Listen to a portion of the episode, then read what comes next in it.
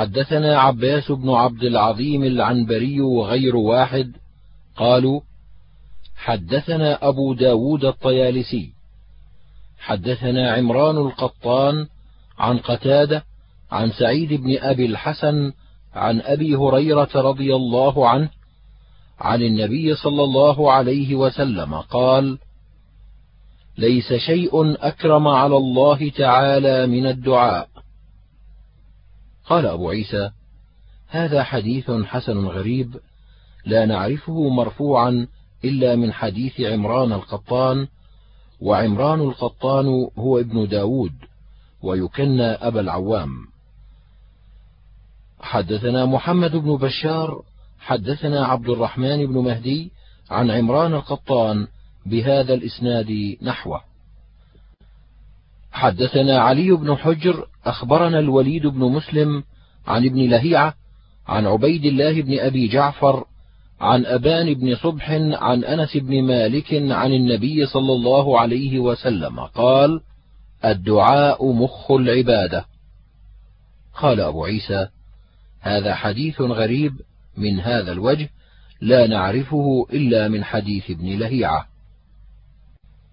حدثنا أحمد بن منيع حدثنا مروان بن معاوية عن الأعمش عن ذر عن يسيع عن النعمان بن بشير عن النبي صلى الله عليه وسلم قال الدعاء هو العبادة. ثم قرأ وقال ربكم ادعوني أستجب لكم.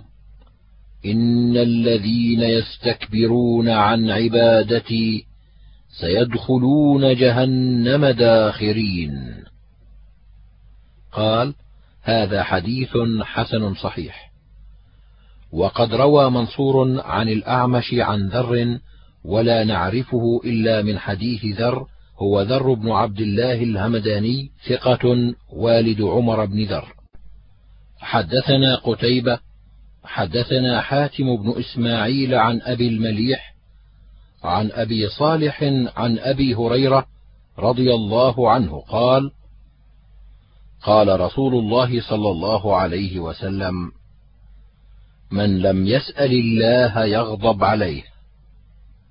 قال وروى وكيع وغير واحد عن أبي المليح هذا الحديث ولا نعرفه إلا من هذا الوجه وأبو المليح اسمه صبيح سمعت محمدا يقوله وقال يقال له الفارسي. حدثنا محمد بن بشار حدثنا مرحوم بن عبد العزيز العطار. حدثنا أبو نعامة السعدي عن أبي عثمان النهدي عن أبي موسى الأشعري رضي الله عنه قال كنا مع رسول الله صلى الله عليه وسلم في غزاة فلما قفلنا أشرفنا على المدينة فكبر الناس تكبيرة ورفعوا بها أصواتهم. فقال رسول الله صلى الله عليه وسلم إن ربكم ليس بأصم ولا غائب. هو بينكم وبين رؤوس رحالكم. قال يا عبد الله بن قيس ألا أعلمك كنزا من كنوز الجنة؟ لا حول ولا قوة إلا بالله. هذا حديث حسن. وأبو عثمان النهدي اسمه عبد الرحمن بن مل وأبو نعامة السعدي اسمه عمرو بن عيسى. حدثنا إسحاق بن منصور حدثنا أبو عاصم عن حميد بن أبي المليح عن أبي صالح عن أبي هريرة عن النبي صلى الله عليه وسلم نحوه. حدثنا أبو كريب حدثنا زيد بن حباب عن معاوية بن صالح عن عمرو بن قيس عن عبد الله بن بسر رضي الله عنه أن رجلا قال يا رسول الله إن شرائع الإسلام قد كثرت علي فأخبرني بشيء أتشبث به. قال لا يزال لسانك رطبا من ذكر الله. قال أبو عيسى هذا حديث حسن غريب من هذا الوجه. حدثنا قتيبة حدثنا ابن لهيعة عن دراج عن أبي الهيثم عن أبي سعيد الخدري أن رسول الله صلى الله عليه وسلم سئل أي العباد أفضل درجة عند الله يوم القيامة؟ قال الذاكرون الله كثيرا والذاكرات. قلت يا رسول الله ومن الغازي في سبيل الله؟ قال لو ضرب بسيفه في الكفار والمشركين حتى ينكسر ويختضب دما لكان الذاكرون الله أفضل منه درجة. قال أبو عيسى هذا حديث غريب. إنما نعرفه من حديث دراج. حدثنا الحسين بن حريث حدثنا الفضل بن موسى عن عبد الله بن سعيد هو ابن أبي هند عن زياد مولى بن عياش عن أبي بحرية عن أبي الدرداء رضي الله عنه قال قال النبي صلى الله عليه وسلم ألا أنبئكم بخير أعمالكم وأزكاها عند مليككم وأرفعها في درجاتكم وخير لكم من إنفاق الذهب والورق وخير لكم من أن تلقوا عدوكم فتضربوا أعناقهم ويضربوا أعناقكم. قالوا بلى. قال ذكر الله تعالى. فقال معاذ بن جبل رضي الله عنه ما شيء أنجى من عذاب الله من ذكر الله. قال أبو عيسى وقد روى بعضهم هذا الحديث عن عبد الله بن سعيد مثل هذا بهذا الإسناد وروى بعضهم عنه فأرسله. حدثنا محمد بن بشار حدثنا عبد الرحمن بن مهدي حدثنا سفيان عن أبي إسحاق عن الأغر أبي مسلم أنه شهد على أبي هريرة وأبي سعيد الخدري انهما شهدا على رسول الله صلى الله عليه وسلم أنه قال ما من قوم يذكرون الله إلا حفت بهم الملائكة وغشيتهم الرحمة ونزلت عليهم السكينة وذكرهم الله في من عنده. قال أبو عيسى هذا حديث حسن صحيح. حدثنا محمد بن بشار حدثنا مرحوم بن عبد العزيز العطار. حدثنا أبو نعامة عن أبي عثمان النهدي عن أبي سعيد الخدري قال خرج معاوية إلى المسجد فقال ما يجلسكم؟ قالوا جلسنا نذكر الله. قال الله ما أجلسكم إلا ذاك؟ قالوا والله ما أجلسنا إلا ذاك. قال أما أني ما أستحلفكم تهمة لي وما كان أحد بمنزلتي من رسول الله صلى الله عليه وسلم أقل حديثا عنه مني. إن رسول الله صلى الله عليه وسلم خرج على حلقة من أصحابه فقال ما يجلسكم؟ قالوا جلسنا نذكر الله ونحمده لما هدانا للإسلام ومن علينا به. فقال آه الله ما أجلسكم إلا ذاك. قالوا آه الله ما أجلسنا إلا ذاك. قال أما إني لم أستحلفكم لتهمة لكم. إنه أتاني جبريل فأخبرني أن الله يباهي بكم الملائكة. قال أبو عيسى هذا حديث حسن غريب لا نعرفه إلا من هذا الوجه. وأبو نعامة السعدي اسمه عمرو بن عيسى وأبو عثمان النهدي اسمه عبد الرحمن بن مل. حدثنا محمد بن بشار حدثنا عبد الرحمن بن مهدي حدثنا سفيان عن صالح مولى التوأمة عن أبي هريرة رضي الله عنه عن النبي صلى الله عليه وسلم قال ما جلس قوم مجلسا لم يذكروا الله فيه ولم يصلوا على نبيهم إلا كان عليهم ترة فإن شاء عذبهم وإن شاء غفر لهم. قال أبو عيسى هذا حديث حسن صحيح. وقد روي من غير وجه عن أبي هريرة عن النبي صلى الله عليه وسلم ومعنى قوله ترة يعني حسرة وندامة. وقال بعض أهل المعرفة بالعربية الترة هو الثأر. حدثنا يوسف بن يعقوب حدثنا حفص بن عمر.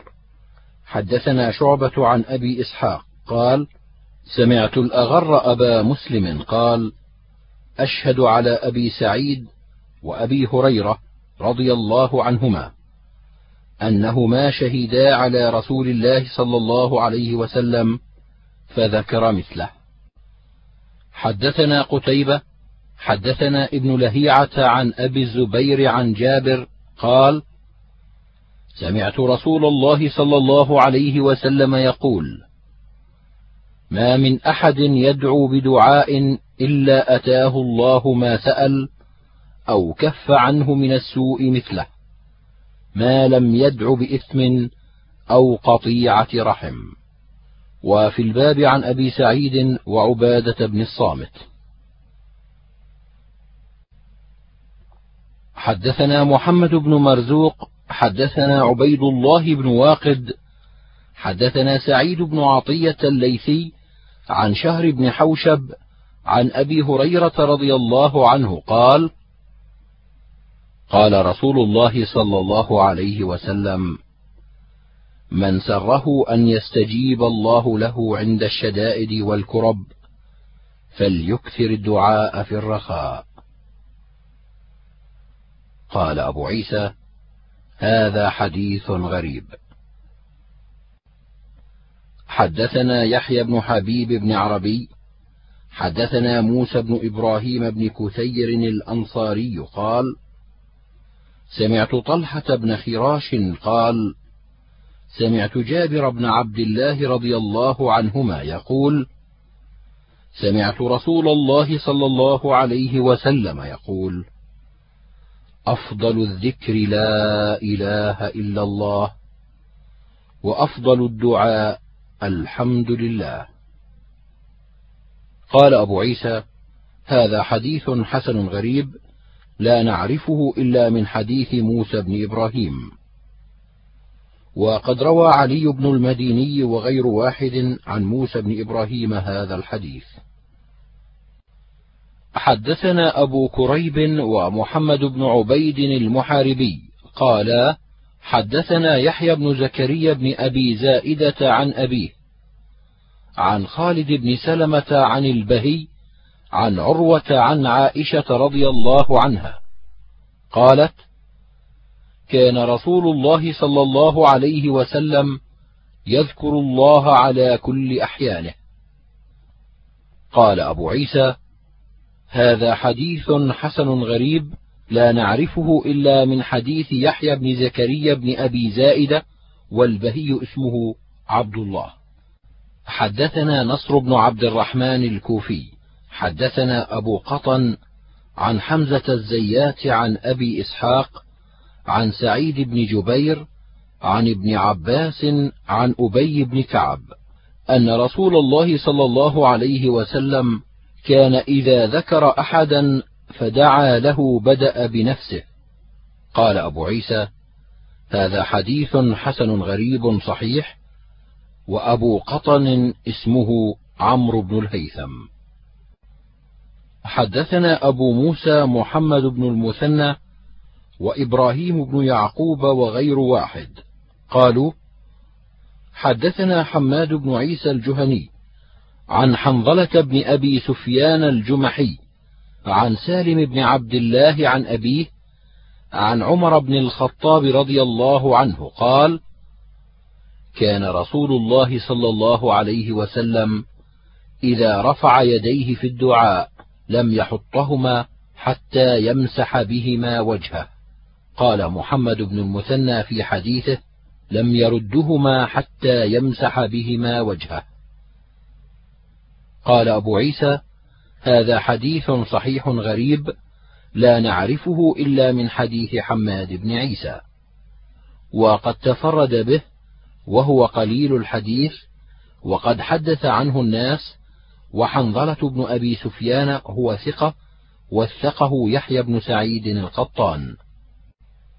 حدثنا الأنصاري حدثنا معا حدثنا مالك عن ابن شهاب عن أبي عبيد مولى بن أزهر عن أبي هريرة عن النبي صلى الله عليه وسلم قال يستجاب لأحدكم ما لم يعجل.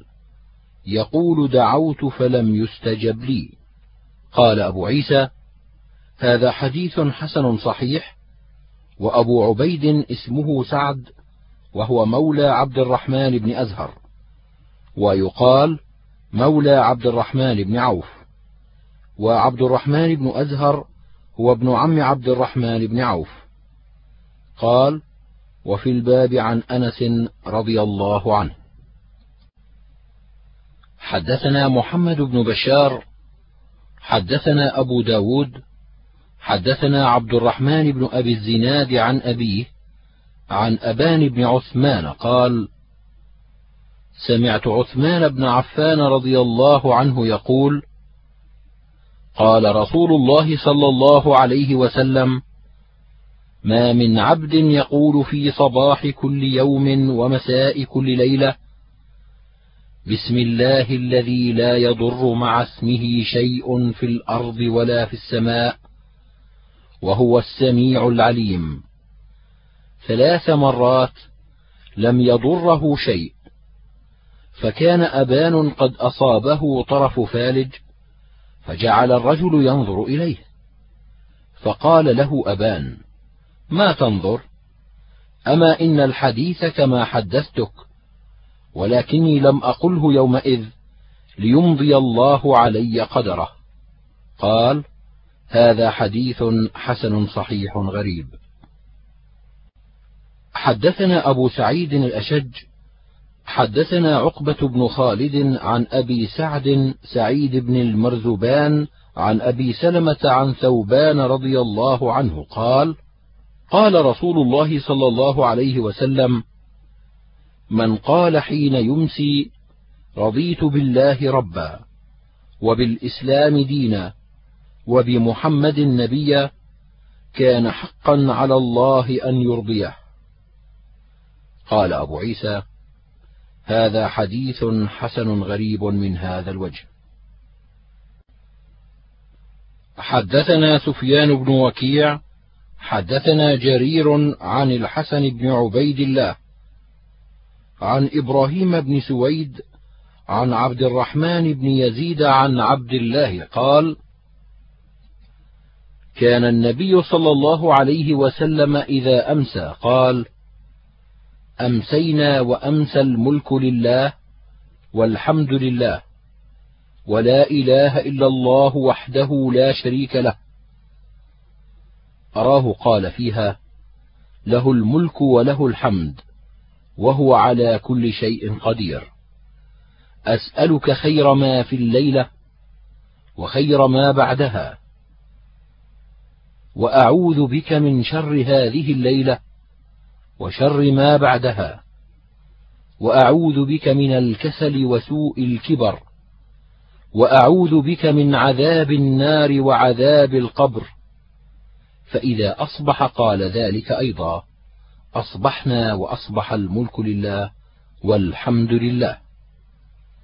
قال هذا حديث حسن صحيح وقد رواه شعبة بهذا الإسناد عن ابن مسعود لم يرفعه.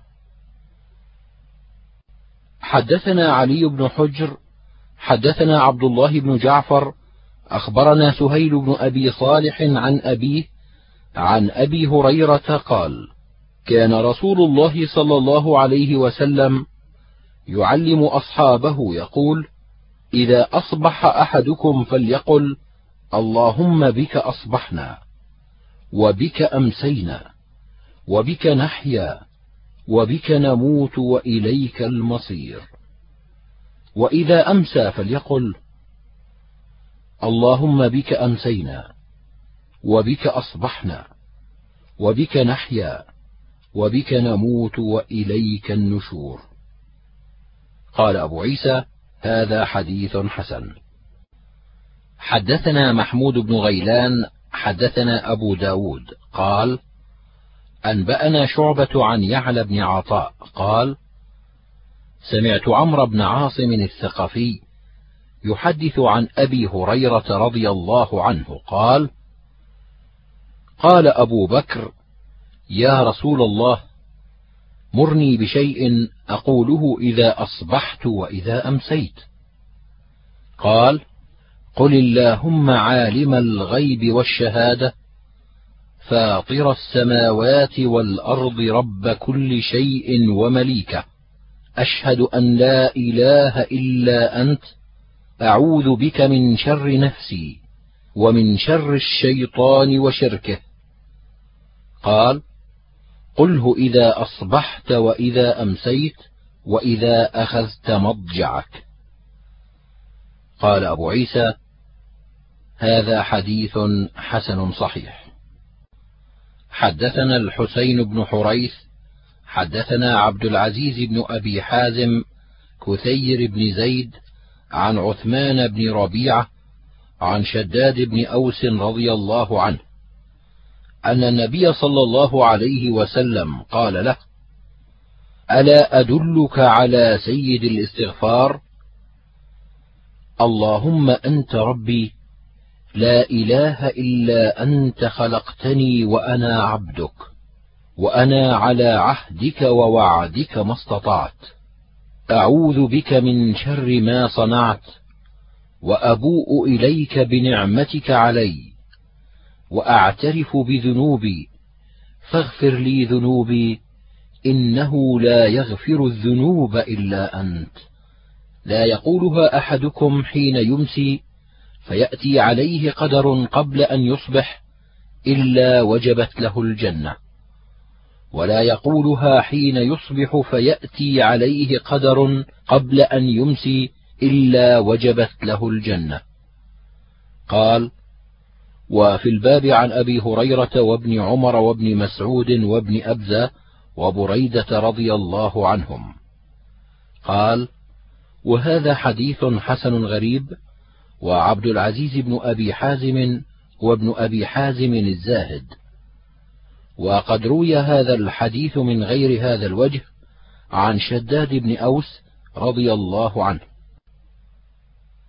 حدثنا ابن أبي عمر حدثنا سفيان بن عيينة عن أبي إسحاق الهمداني عن البراء بن عازب أن النبي صلى الله عليه وسلم قال له ألا أعلمك كلمات تقولها إذا أويت إلى فراشك؟ فإن مت من ليلتك مت على الفطرة وإن أصبحت أصبحت وقد أصبت خيرا.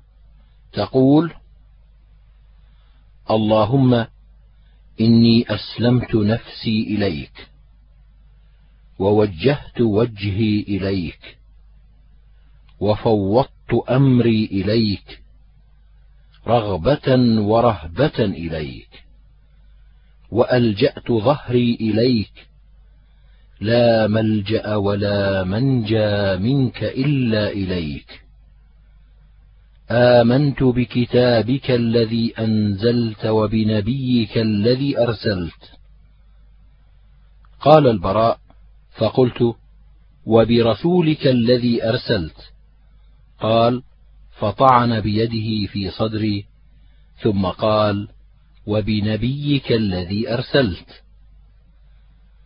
قال أبو عيسى هذا حديث حسن قد روي من غير وجه عن البراء. ورواه منصور بن المعتمر عن سعد بن عبيدة عن البراء عن النبي صلى الله عليه وسلم نحوه إلا أنه قال إذا أويت إلى فراشك وأنت على وضوء. قال وفي الباب عن رافع بن خديج رضي الله عنه. حدثنا محمد بن بشار حدثنا عثمان بن عمر حدثنا علي بن المبارك عن يحيى بن أبي كثير عن يحيى بن إسحاق عن أخي رافع بن خديج عن رافع بن خديج رضي الله عنه أن النبي صلى الله عليه وسلم قال إذا اضطجع أحدكم على جنبه الأيمن ثم قال اللهم إني أسلمت نفسي إليك ووجهت وجهي إليك وألجأت ظهري إليك وفوضت أمري إليك. لا ملجأ ولا منجى منك إلا إليك. أؤمن بكتابك وبرسلك. فإن مات من ليلته دخل الجنة. قال أبو عيسى هذا حديث حسن غريب من حديث رافع بن خديج رضي الله عنه. حدثنا إسحاق بن منصور أخبرنا عفان بن مسلم.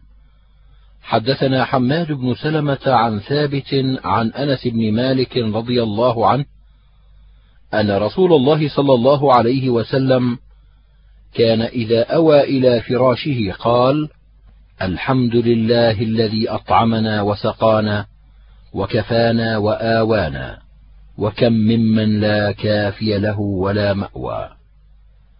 قال هذا حديث حسن صحيح غريب.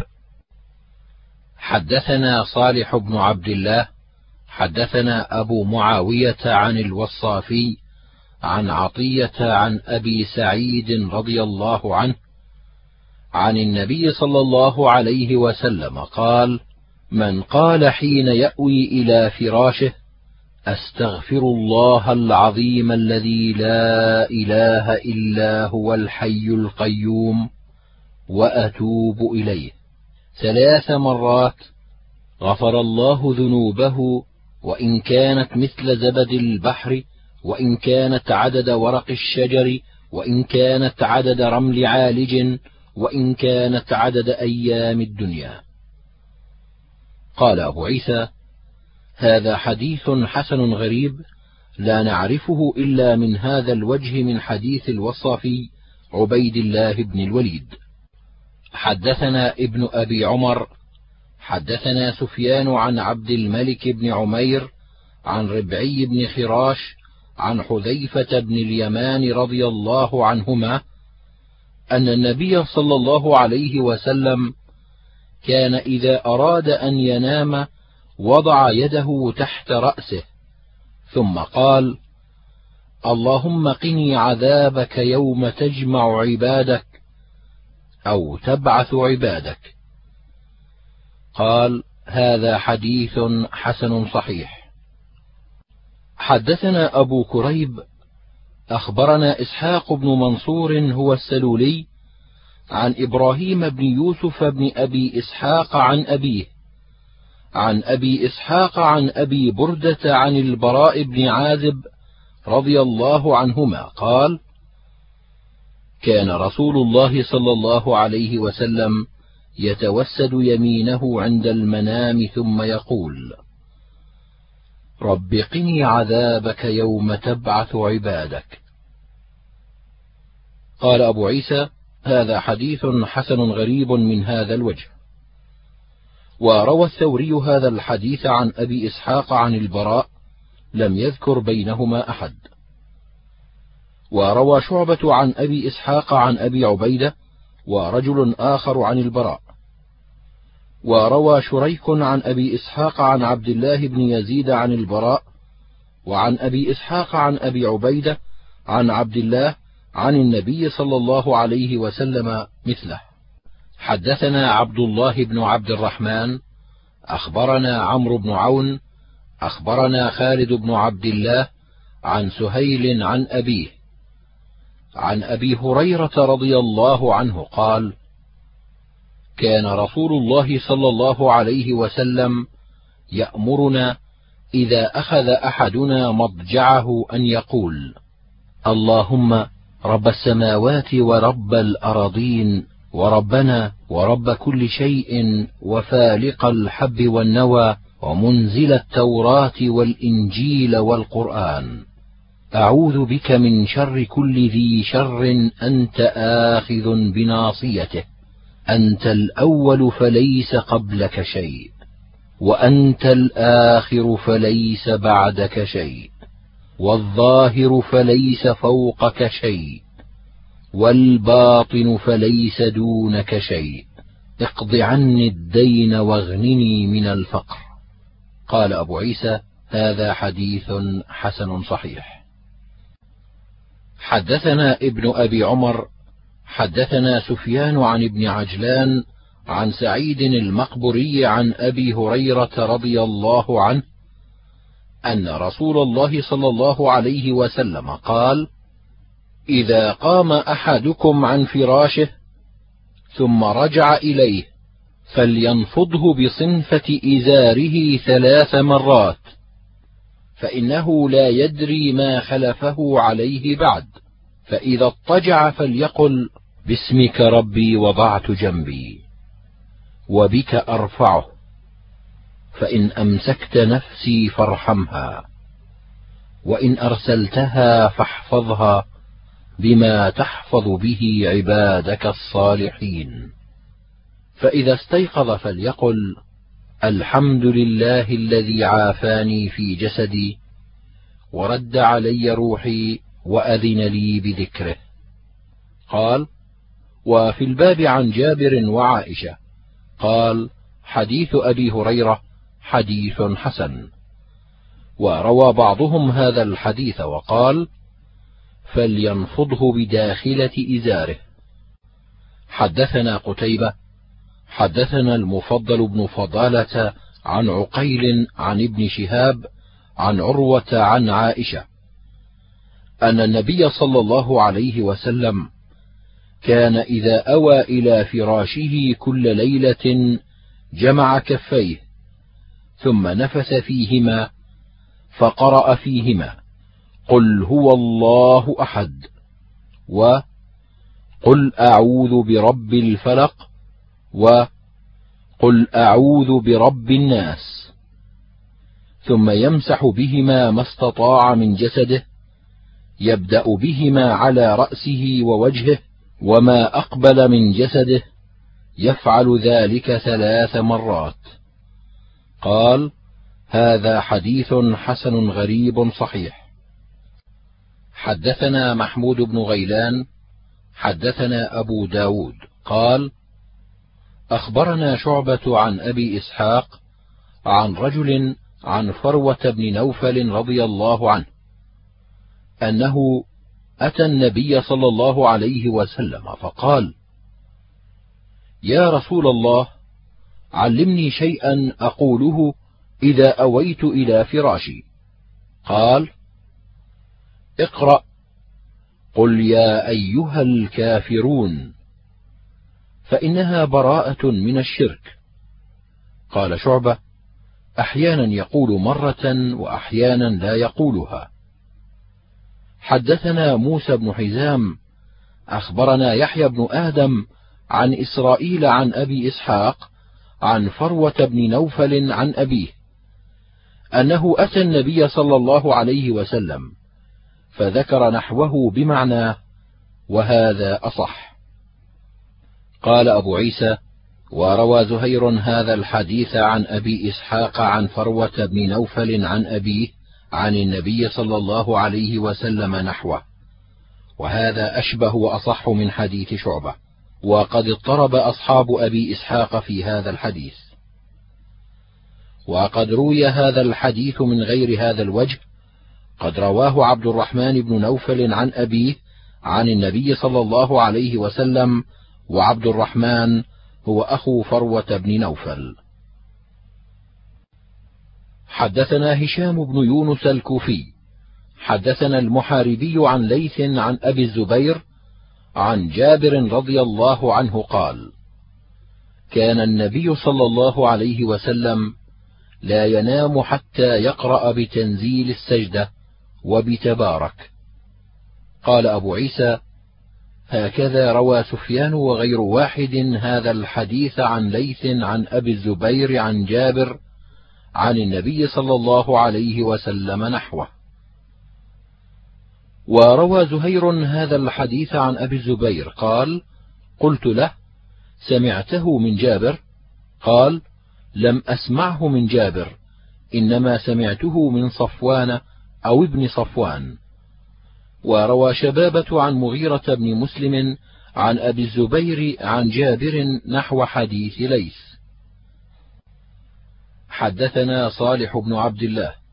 حدثنا حماد بن زيد عن أبي لبابة قال قالت عائشة رضي الله عنها كان النبي صلى الله عليه وسلم لا ينام حتى يقرأ الزمر وبني إسرائيل.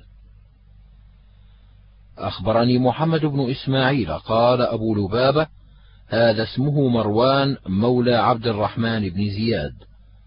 وسمع من عائشة سمع منه حماد بن زيد.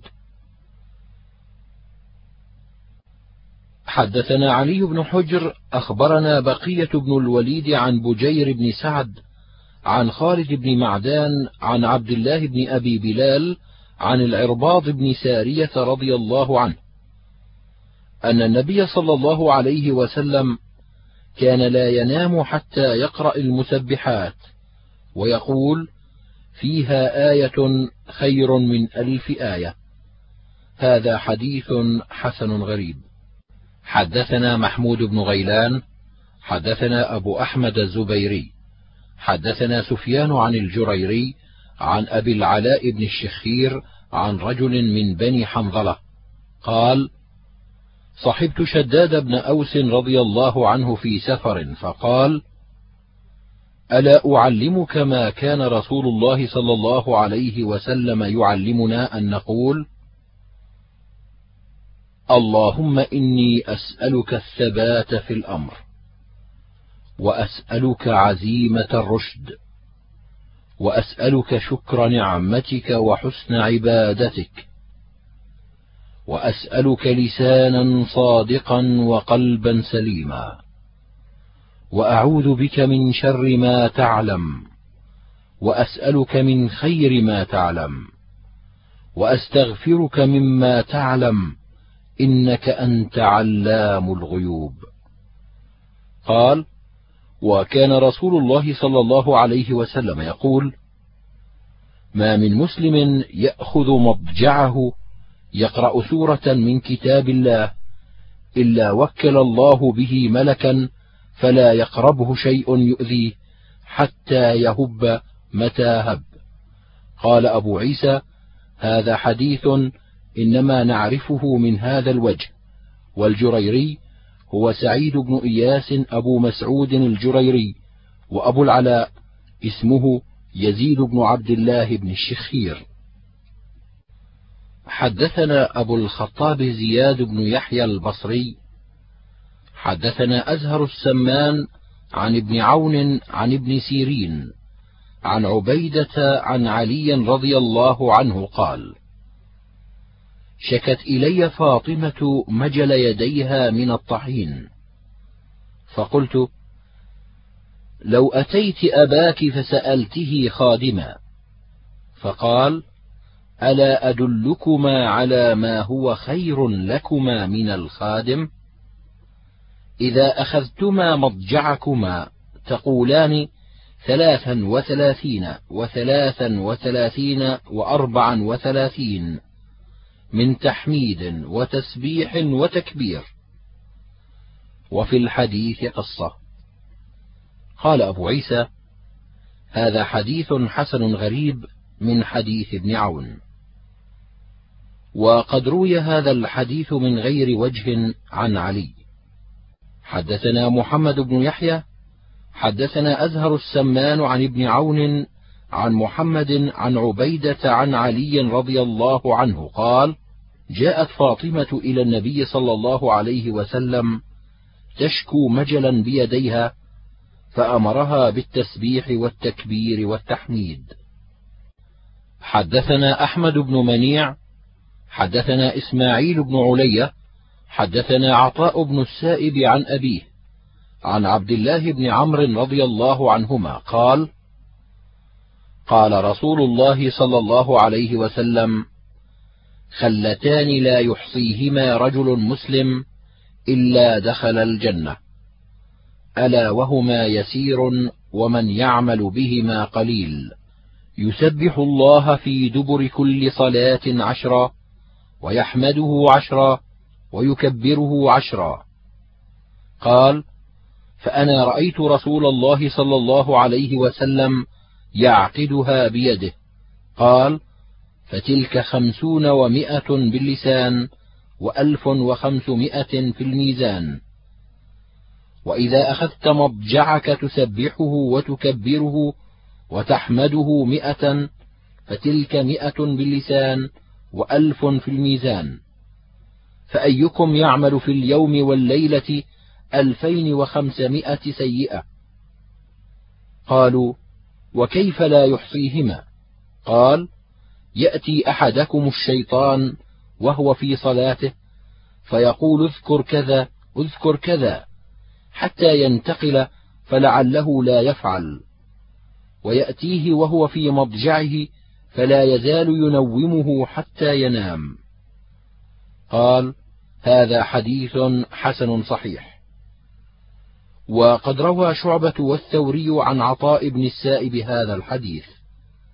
وروى الأعمش هذا الحديث عن عطاء بن السائب مختصرا. وفي الباب عن زيد بن ثابت وأنس وابن عباس رضي الله عنهم. حدثنا محمد بن عبد الأعلى حدثنا عسام بن علي عن الأعمش عن عطاء بن السائب عن أبيه عن عبد الله بن عمرو رضي الله عنهما قال رأيت رسول الله صلى الله عليه وسلم يعقد التسبيح. قال أبو عيسى هذا حديث حسن غريب من حديث الأعمش. حدثنا محمد بن إسماعيل بن سمرة الأحمسي الكوفي. حدثنا أصباط بن محمد. حدثنا عمرو بن قيس الملائي عن الحكم بن عتيبة عن عبد الرحمن بن أبي ليلى عن كعب بن عجرة عن النبي صلى الله عليه وسلم قال معقبات لا يخيب قائلهن. يسبح الله في دبر كل صلاة ثلاثا وثلاثين ويحمده ثلاثا وثلاثين ويكبره أربعا وثلاثين. قال أبو عيسى هذا حديث حسن وعمرو بن قيس الملائي ثقة حافظ. وروى شعبة هذا الحديث عن الحكم ولم يرفعه. وروى منصور بن المعتمر عن الحكم ورفعه.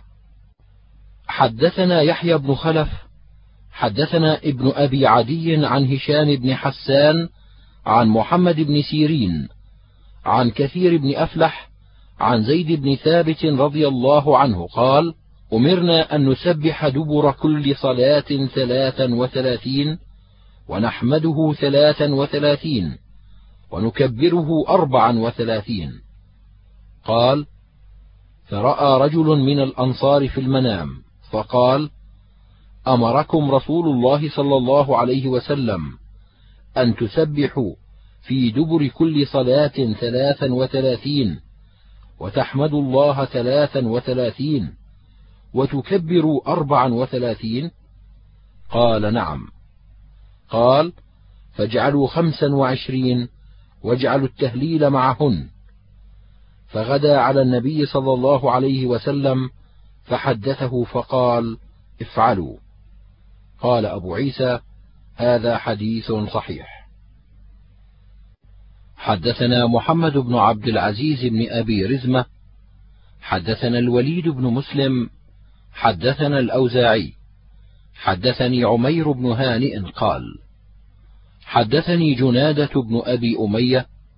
حدثني عبادة بن الصامت رضي الله عنه. عن رسول الله صلى الله عليه وسلم قال من تعار من الليل فقال لا إله إلا الله وحده لا شريك له له الملك وهو على كل شيء قدير وسبحان الله والحمد لله ولا إله إلا الله والله أكبر ولا حول ولا قوة إلا بالله. ثم قال رب اغفر لي أو قال ثم دعا استجيب له فإن عزم فتوضأ ثم صلى قبلت صلاته. قال أبو عيسى هذا حديث حسن صحيح غريب. حدثنا علي بن حجر حدثنا مسلمة بن عمرو قال كان عمير بن هانئ يصلي كل يوم ألف سجدة ويسبح مئة ألف تسبيحة. حدثنا إسحاق بن منصور أخبرنا النضر بن شميل ووهب بن جرير وأبو عامر العقدي وعبد الصمد بن عبد الوارث. قالوا حدثنا هشام الدستوائي عن يحيى بن أبي كثير عن أبي سلمة. حدثني ربيعة بن كعب الأسلمي قال كنت أبيت عند باب النبي صلى الله عليه وسلم فأعطيه وضوءه فأسمعه الهوي من الليل يقول سمع الله لمن حمده. وأسمعه الهوي من الليل يقول الحمد لله رب العالمين. قال أبو عيسى هذا حديث حسن صحيح. حدثنا عمر بن إسماعيل بن مجالد بن سعيد. حدثنا أبي عن عبد الملك بن عمير عن ربعي عن حذيفة بن اليمان رضي الله عنهما أن رسول الله صلى الله عليه وسلم كان إذا أراد أن ينام قال: اللهم باسمك أموت وأحيا، وإذا استيقظ قال: الحمد لله الذي أحيا نفسي بعد أن أماتها وإليه النشور. قال أبو عيسى: هذا حديث حسن صحيح. حدثنا الأنصاري حدثنا معا حدثنا مالك بن أنس عن أبي الزبير عن طاووس عن عبد الله بن عباس رضي الله عنهما أن رسول الله صلى الله عليه وسلم كان إذا قام إلى الصلاة من جوف الليل يقول اللهم لك الحمد أنت نور السماوات والأرض ولك الحمد. أنت قيام السماوات والأرض ولك الحمد. أنت رب السماوات والأرض ومن فيهن. أنت الحق ووعدك الحق ولقاؤك حق والجنة حق والنار حق والساعة حق. اللهم لك أسلمت وبك آمنت وعليك توكلت وإليك أنبت وبك خاصمت وإليك حاكمت فاغفر لي ما قدمت وما أخرت وما أسررت وما أعلنت إنك إلهي لا إله إلا أنت. قال هذا حديث حسن صحيح.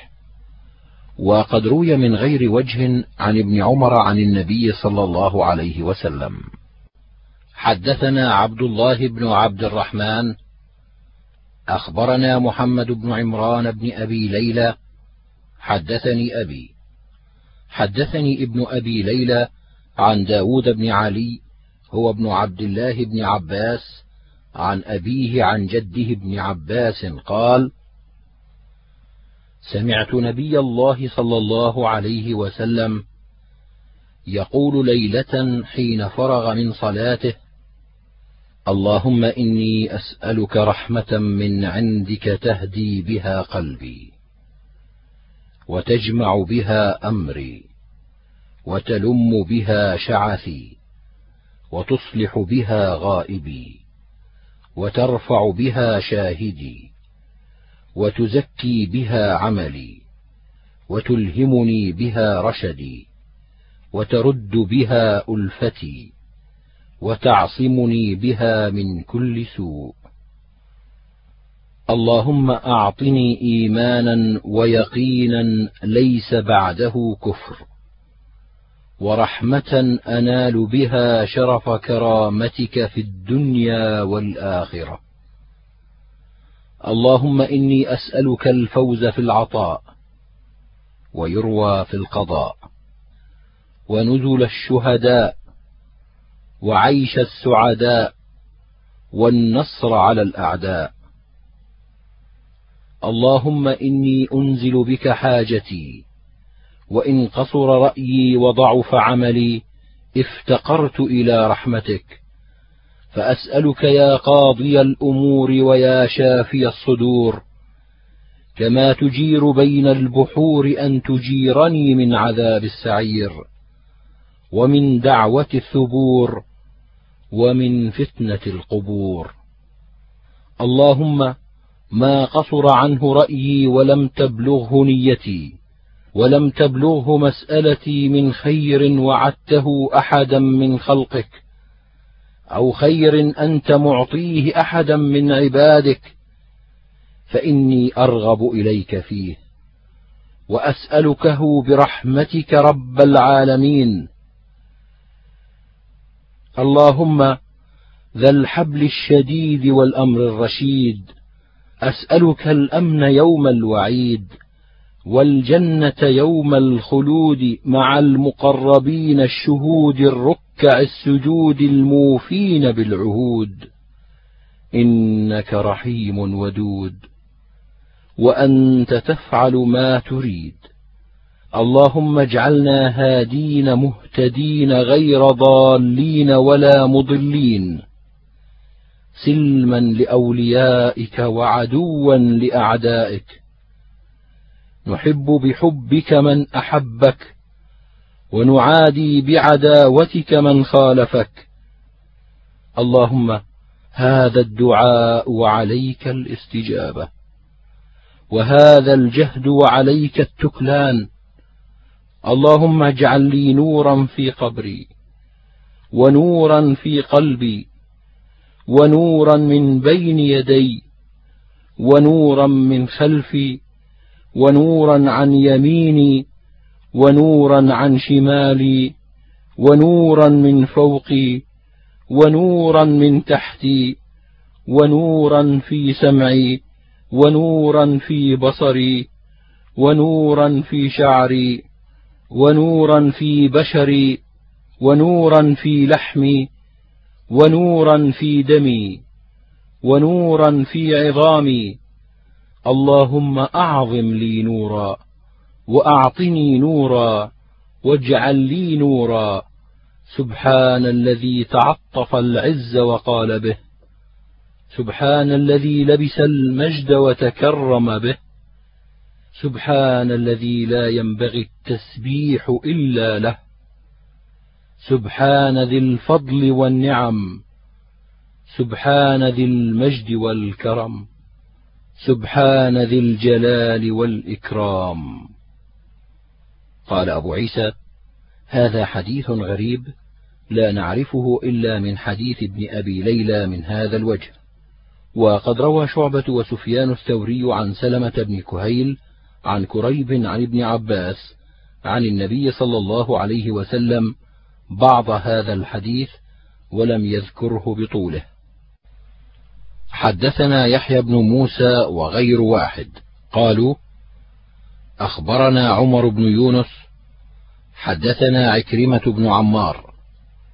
حدثنا يحيى بن أبي كثير حدثنا أبو سلمة قال سألت عائشة رضي الله عنها بأي شيء كان النبي صلى الله عليه وسلم يفتتح صلاته إذا قام من الليل.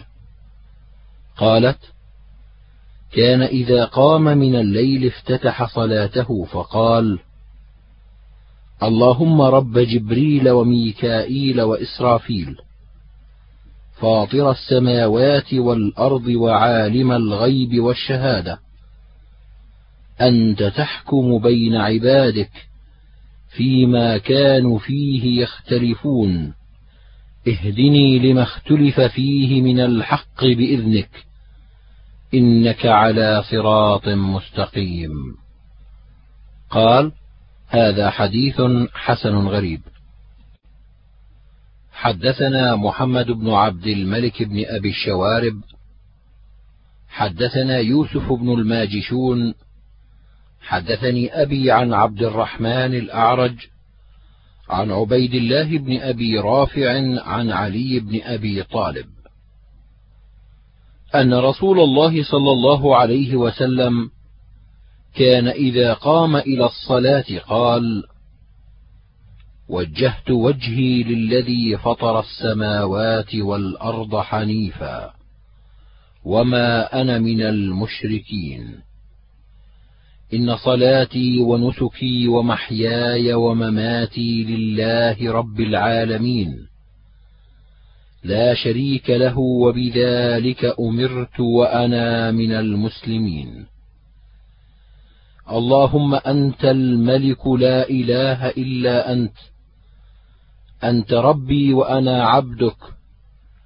ظلمت نفسي واعترفت بذنبي. فاغفر لي ذنوبي جميعا. إنه لا يغفر الذنوب إلا أنت. واهدني لأحسن الأخلاق. لا يهدي لأحسنها إلا أنت. واصرف عني سيئها إنه لا يصرف عني سيئها إلا أنت. آمنت بك تباركت وتعاليت أستغفرك وأتوب إليك. فإذا ركع قال اللهم لك ركعت وبك آمنت ولك أسلمت خشع لك سمعي وبصري ومخي وعظامي وعصبي. فإذا رفع رأسه قال اللهم ربنا لك الحمد ملء السماوات والأرضين وملء ما بينهما وملء ما شئت من شيء. فإذا سجد قال اللهم لك سجدت وبك آمنت ولك أسلمت. سجد وجهي للذي خلقه فصوره وشق سمعه وبصره. تبارك الله أحسن الخالقين. ثم يكون آخر ما يقول بين التشهد والسلام اللهم اغفر لي ما قدمت وما أخرت. وما أسررت وما أعلنت وما أنت أعلم به مني أنت المقدم وأنت المؤخر لا إله إلا أنت. قال أبو عيسى هذا حديث حسن صحيح. حدثنا الحسن بن علي الخلال حدثنا أبو الوليد حدثنا عبد العزيز بن أبي سلمة ويوسف بن الماجشون قال عبد العزيز حدثني عمي وقال يوسف أخبرني أبي حدثني الأعرج عن عبيد الله بن أبي رافع عن علي بن أبي طالب أن رسول الله صلى الله عليه وسلم كان إذا قام إلى الصلاة قال وجهت وجهي للذي فطر السماوات والأرض حنيفا وما أنا من المشركين. إن صلاتي ونسكي ومحياي ومماتي لله رب العالمين. لا شريك له وبذلك أمرت وأنا من المسلمين. اللهم أنت الملك لا إله إلا أنت. أنت ربي وأنا عبدك. ظلمت نفسي واعترفت بذنبي فاغفر لي ذنوبي جميعا. إنه لا يغفر الذنوب إلا أنت. واهدني لأحسن الأخلاق لا يهدي لأحسنها إلا أنت. واصرف عني سيئها لا يصرف عني سيئها إلا أنت. لبيك وسعديك والخير كله في يديك. والشر ليس إليك أنا بك وإليك. تباركت وتعاليت. أستغفرك وأتوب إليك.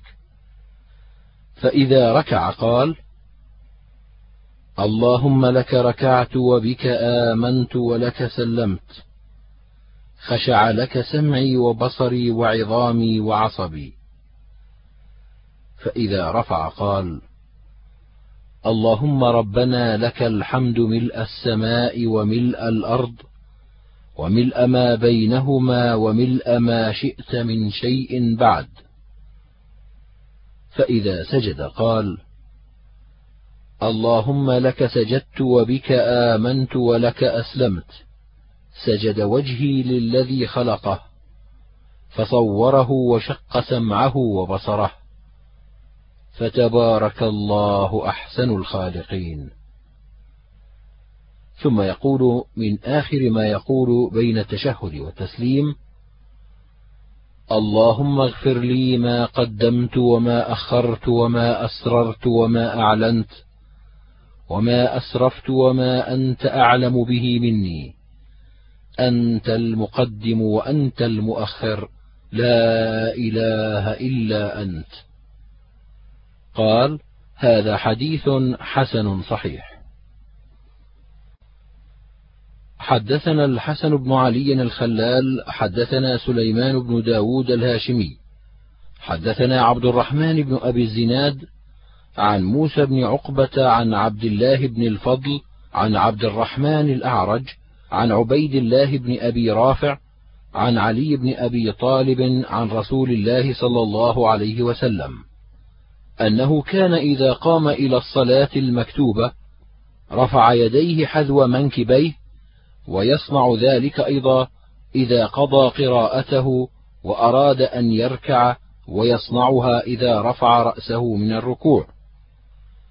ولا يرفع يديه في شيء من صلاته وهو قاعد. وإذا قام من سجدتين رفع يديه كذلك وكبر. ويقول حين يفتتح الصلاة بعد التكبير وجهت وجهي للذي فطر السماوات والأرض حنيفا وما أنا من المشركين إن صلاتي ونسكي ومحياي ومماتي لله رب العالمين لا شريك له وبذلك أمرت وأنا من المسلمين اللهم أنت الملك لا إله إلا أنت سبحانك أنت ربي وأنا عبدك ظلمت نفسي واعترفت بذنبي فاغفر لي ذنوبي جميعا إنه لا يغفر الذنوب إلا أنت. واهدني لأحسن الأخلاق لا يهدي لأحسنها إلا أنت. واصرف عني سيئها لا يصرف عني سيئها إلا أنت. لبيك وسعديك أنا بك وإليك. ولا منجى ولا ملجأ إلا إليك. أستغفرك وأتوب إليك. ثم يقرأ. فإذا ركع كان كلامه في ركوعه أن يقول اللهم لك ركعت وبك آمنت ولك أسلمت وأنت ربي. خشع سمعي وبصري ومخي وعظمي لله رب العالمين. فإذا رفع رأسه من الركوع قال سمع الله لمن حمده ثم يتبعها اللهم ربنا ولك الحمد ملء السماوات والأرض وملء ما شئت من شيء بعد. وإذا سجد قال في سجوده اللهم لك سجدت وبك آمنت ولك أسلمت وأنت ربي. سجد وجهي للذي خلقه وشق سمعه وبصره. تبارك الله أحسن الخالقين. ويقول عند انصرافه من الصلاة اللهم اغفر لي ما قدمت وما أخرت وما أسررت وما أعلنت. أنت إلهي لا إله إلا أنت. قال هذا حديث حسن صحيح والعمل على هذا عند الشافعي وأصحابنا. قال أبو عيسى وأحمد لا يراه. سمعت أبا إسماعيل الترمذي محمد بن إسماعيل بن يوسف يقول سمعت سليمان بن داود الهاشمي يقول وذكر هذا الحديث فقال هذا عندنا مثل حديث الزهري عن سالم عن أبيه. حدثنا قتيبة حدثنا محمد بن يزيد بن خنيس حدثنا الحسن بن محمد بن عبيد الله بن أبي يزيد. قال قال لي ابن جريج أخبرني عبيد الله بن أبي يزيد عن ابن عباس قال جاء رجل إلى النبي صلى الله عليه وسلم فقال رأيتني الليلة وأنا نائم كأني كنت أصلي خلف شجرة فسجدت الشجرة لسجودي وسمعتها وهي تقول اللهم اكتب لي بها عندك أجرا وضع عني بها وزرا واجعلها لي عندك ذخرا وتقبلها مني كما تقبلتها من عبدك داود. قال ابن جريج قال لي جدك قال ابن عباس فقرأ النبي صلى الله عليه وسلم سجدة ثم سجد. قال ابن عباس فسمعته وهو يقول مثل ما أخبر الرجل من قول الشجرة. قال أبو عيسى هذا حديث غريب لا نعرفه إلا من هذا الوجه. وفي الباب عن أبي سعيد. حدثنا محمد بن بشار حدثنا عبد الوهاب الثقفي. حدثنا خالد الحذاء عن أبي العالية عن عائشة قالت كان النبي صلى الله عليه وسلم يقول في سجود القرآن بالليل سجد وجهي للذي خلقه وشق سمعه وبصره بحوله وقوته. قال أبو عيسى هذا حديث حسن صحيح. حدثنا سعيد بن يحيى بن سعيد الأموي. حدثنا أبي حدثنا ابن جريج عن إسحاق بن عبد الله بن أبي طلحة عن أنس بن مالك قال قال رسول الله صلى الله عليه وسلم من قال يعني إذا خرج من بيته بسم الله توكلت على الله لا حول ولا قوة إلا بالله يقال له كفيت ووقيت وتنحى عنه الشيطان. قال أبو عيسى هذا حديث حسن صحيح غريب لا نعرفه إلا من هذا الوجه. حدثنا محمود بن غيلان حدثنا وكيع حدثنا سفيان عن منصور عن عامر الشعبي عن أم سلمة أن النبي صلى الله عليه وسلم كان إذا خرج من بيته قال بسم الله توكلت على الله اللهم إنا نعوذ بك من أن نزل أو نضل أو نظلم أو نظلم أو نجهل أو يجهل علينا. قال أبو عيسى هذا حديث حسن صحيح. حدثنا أحمد بن منيع حدثنا يزيد بن هارون أخبرنا أزهر بن سنان حدثنا محمد بن واسع قال قدمت مكة فلقيني أخي سالم بن عبد الله بن عمر فحدثني عن أبيه عن جده أن رسول الله صلى الله عليه وسلم قال من دخل السوق فقال لا إله إلا الله وحده لا شريك له له الملك وله الحمد يحيي ويميت وهو حي لا يموت بيده الخير وهو على كل شيء قدير. كتب الله له ألف ألف حسنة ومحى عنه ألف ألف سيئة ورفع له ألف ألف درجة. قال أبو عيسى هذا حديث غريب. وقد رواه عمرو بن دينار وهو قهرمان آل الزبير عن سالم بن عبد الله هذا الحديث نحوه.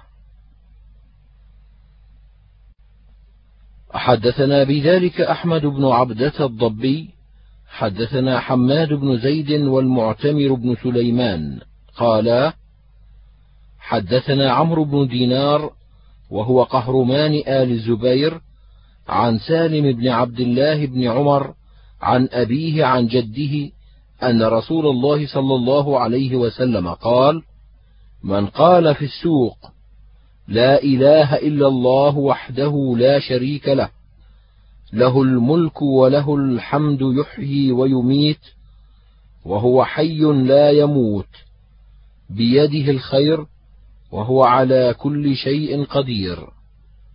كتب الله له ألف ألف حسنة ومحى عنه ألف ألف سيئة وبنى له بيتا في الجنة.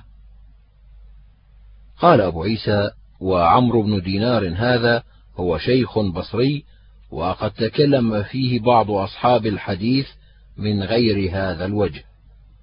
ورواه يحيى بن سليم الطائفي عن عمران بن مسلم عن عبد الله بن دينار عن ابن عمر عن النبي صلى الله عليه وسلم ولم يذكر فيه عن عمر رضي الله عنه. حدثنا سفيان بن وكيع حدثنا إسماعيل بن محمد بن جحادة حدثنا عبد الجبار بن عباس عن أبي إسحاق عن الأغر أبي مسلم قال أشهد على أبي سعيد وأبي هريرة انهما شهدا على النبي صلى الله عليه وسلم. قال من قال لا إله إلا الله والله أكبر صدقه ربه فقال لا إله إلا أنا وأنا أكبر. وإذا قال لا إله إلا الله وحده قال يقول لا إله إلا أنا وحدي. وإذا قال لا إله إلا الله وحده لا شريك له قال الله لا إله إلا أنا وحدي لا شريك لي. وإذا قال لا إله إلا الله له الملك وله الحمد قال لا إله إلا أنا لي الملك ولي الحمد. وإذا قال لا إله إلا الله ولا حول ولا قوة إلا بالله. قال لا إله إلا أنا ولا حول ولا قوة إلا بي. وكان يقول من قالها في مرضه ثم مات لم تطعمه النار. قال هذا حديث حسن غريب. وقد رواه شعبة عن أبي إسحاق عن الأغر أبي مسلم عن أبي هريرة وأبي سعيد بنحو هذا الحديث بمعناه ولم يرفعه شعبة. حدثنا بذلك بندار حدثنا محمد بن جعفر عن شعبة بهذا. حدثنا محمد بن عبد الله بن بزيغ حدثنا عبد الوارث بن سعيد عن عمرو بن دينار مولى آل الزبير عن سالم بن عبد الله بن عمر عن ابن عمر عن عمر أن رسول الله صلى الله عليه وسلم قال من رأى صاحب بلاء فقال الحمد لله الذي عافاني مما ابتلاك به وفضلني على كثير ممن خلق تفضيلا إلا عوفي من ذلك البلاء. كائنا ما كان ما عاش. قال أبو عيسى هذا حديث غريب. وفي الباب عن أبي هريرة وعمر بن دينار قهرمان آل الزبير شيخ بصري. وليس هو بالقوي في الحديث وقد تفرد بأحاديث عن سالم بن عبد الله بن عمر. وقد روي عن أبي جعفر محمد بن علي أنه قال إذا رأى صاحب بلاء فتعوذ منه يقول ذلك في نفسه ولا يسمع صاحب البلاء. حدثنا أبو جعفر الشيباني وغير واحد قالوا حدثنا مطرف بن عبد الله المدني حدثنا عبد الله بن عمر العمري عن سهيل بن أبي صالح عن أبيه عن أبي هريرة قال قال رسول الله صلى الله عليه وسلم من رأى مبتلا فقال الحمد لله الذي عافاني مما ابتلاك به وفضلني على كثير ممن خلق تفضيلا لم يصبه ذلك البلاء. قال أبو عيسى هذا حديث غريب من هذا الوجه. حدثنا أبو عبيدة بن أبي السفر الكوفي أحمد بن عبد الله الهمداني. حدثنا حجاج بن محمد قال قال ابن جريج أخبرني موسى بن عقبة عن سهيل بن أبي صالح عن أبيه عن أبي هريرة قال قال رسول الله صلى الله عليه وسلم من جلس في مجلس فكثر فيه لغطه فقال قبل أن يقوم من مجلسه ذلك سبحانك اللهم وبحمدك أشهد أن لا إله إلا أنت أستغفرك وأتوب إليك إلا غفر له ما كان في مجلسه ذلك. وفي الباب عن أبي برزة وعائشة قال هذا حديث حسن غريب صحيح من هذا الوجه لا نعرفه من حديث سهيل إلا من هذا الوجه. حدثنا نصر بن عبد الله الكوفي حدثنا المحاربي عن مالك بن مغول عن محمد بن سوقة عن نافع عن ابن عمر قال كان يعد لرسول الله صلى الله عليه وسلم في المجلس الواحد مئة مرة من قبل أن يقوم. رب اغفر لي وتب علي. إنك أنت التواب الغفور. حدثنا ابن أبي عمر حدثنا سفيان عن محمد بن سوقة بهذا الإسناد نحوه بمعناه. قال هذا حديث حسن صحيح غريب. حدثنا محمد بن بشار حدثنا معاذ بن هشام حدثني أبي عن قتادة عن أبي العالية عن ابن عباس أن نبي الله صلى الله عليه وسلم كان يدعو عند الكرب لا إله إلا الله العلي الحليم لا إله إلا الله رب العرش العظيم لا إله إلا الله رب السماوات والأرض ورب العرش الكريم. حدثنا محمد بن بشار حدثنا ابن أبي عدي عن هشام عن قتادة عن أبي العالية عن ابن عباس عن النبي صلى الله عليه وسلم بمثله. قال وفي الباب عن علي. قال وهذا حديث حسن صحيح. حدثنا أبو سلمة يحيى بن المغيرة المخزومي المدني وغير واحد. قالوا حدثنا ابن أبي فديك عن إبراهيم بن الفضل عن المقبوري عن أبي هريرة أن النبي صلى الله عليه وسلم كان إذا أهمه الأمر رفع رأسه إلى السماء فقال سبحان الله العظيم. وإذا اجتهد في الدعاء قال يا حي يا قيوم. قال أبو عيسى هذا حديث حسن غريب.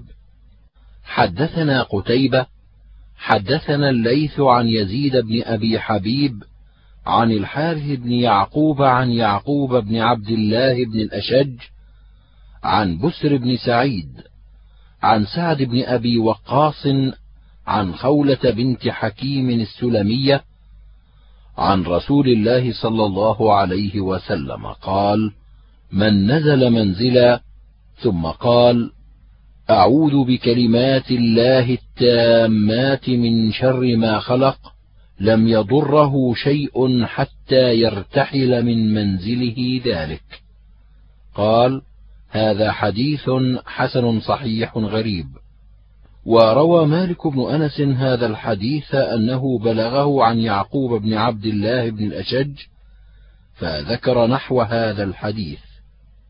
وروي عن ابن عجلان هذا الحديث عن يعقوب بن عبد الله بن الأشج ويقول عن سعيد بن المسيب عن خولة قال وحديث الليث أصح من رواية ابن عجلان.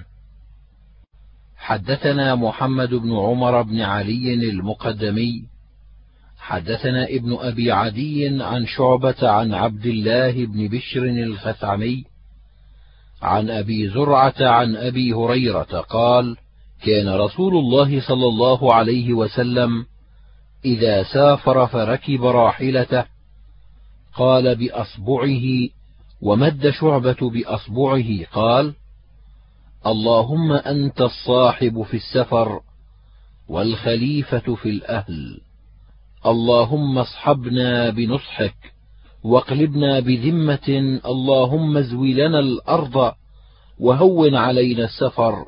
اللهم إني أعوذ بك من وعثاء السفر وكآبة المنقلب. قال أبو عيسى كنت لا أعرف هذا إلا من حديث ابن أبي عدي حتى حدثني به سويد. حدثنا سويد بن نصر حدثنا عبد الله بن المبارك حدثنا شعبة بهذا الإسناد نحوه بمعناه. قال هذا حديث حسن غريب من حديث أبي هريرة ولا نعرفه إلا من حديث ابن أبي عدي عن شعبة. حدثنا أحمد بن عبده حدثنا حماد بن زيد عن عاصم الأحول عن عبد الله بن سرجس قال كان النبي صلى الله عليه وسلم إذا سافر يقول اللهم أنت الصاحب في السفر والخليفة في الأهل. اللهم إني أعوذ بك من وعثاء السفر وكآبة المنقلب. اللهم اصحبنا في سفرنا واخلفنا في أهلنا ومن الحور بعد الكون ومن دعوة المظلوم ومن سوء المنظر في الأهل والمال. قال هذا حديث حسن صحيح. قال ويروى الحور بعد الكور أيضا. قال ومعنى قوله الحور بعد الكون أو الكور وكلاهما له وجه. إنما هو الرجوع من الإيمان إلى الكفر أو من الطاعة إلى المعصية. إنما يعني الرجوع من شيء إلى شيء من الشر. حدثنا محمود بن غيلان حدثنا أبو داود. أنبأنا شعبة عن أبي إسحاق. قال سمعت الربيع بن البراء بن عازب يحدث عن أبيه أن النبي صلى الله عليه وسلم كان إذا قدم من سفر قال آيبون تائبون عابدون لربنا حامدون. قال أبو عيسى هذا حديث حسن صحيح. وروى الثوري هذا الحديث عن أبي إسحاق عن البراء ولم يذكر فيه عن الربيع بن البراء ورواية شعبة أصح. قال وفي الباب عن ابن عمر وأنس وجابر بن عبد الله. حدثنا علي بن حجر حدثنا إسماعيل بن جعفر عن حميد عن أنس أن النبي صلى الله عليه وسلم كان إذا قدم من سفر فنظر إلى جدرات المدينة أوضع راحلته وإن كان على دابة حركها من حبها. قال أبو عيسى هذا حديث حسن صحيح غريب. حدثنا أحمد بن أبي عبيد الله السلمي البصري حدثنا أبو قتيبة سلم بن قتيبة عن إبراهيم بن عبد الرحمن بن يزيد بن أمية عن نافع عن ابن عمر قال كان رسول الله صلى الله عليه وسلم إذا ودع رجلا أخذ بيده فلا يدعها حتى يكون الرجل هو يدع يد النبي صلى الله عليه وسلم ويقول أستودع الله دينك وأمانتك وآخر عملك. قال هذا حديث غريب من هذا الوجه وروي هذا الحديث من غير وجه عن ابن عمر. حدثنا إسماعيل بن موسى الفزاري حدثنا سعيد بن خيثم عن حنظلة عن سالم أن ابن عمر كان يقول للرجل إذا أراد سفرا أدن مني أودعك. كما كان رسول الله صلى الله عليه وسلم يودعنا. فيقول أستودع الله دينك وأمانتك وخواتيم عملك. قال هذا حديث حسن صحيح غريب من هذا الوجه من حديث سالم. حدثنا عبد الله بن أبي زياد حدثنا سيار حدثنا جعفر بن سليمان عن ثابت عن أنس قال جاء رجل إلى النبي صلى الله عليه وسلم فقال يا رسول الله إني أريد سفرا فزودني. قال زودك الله التقوى. قال زدني. قال وغفر ذنبك. قال زدني بأبي أنت وأمي. قال ويسر لك الخير حيثما كنت. قال هذا حديث حسن غريب. حدثنا موسى بن عبد الرحمن الكندي الكوفي. حدثنا زيد بن حباب. أخبرني أسامة بن زيد عن سعيد المقبري عن أبي هريرة رضي الله عنه أن رجلا قال يا رسول الله إني أريد أن أسافر فأوصني.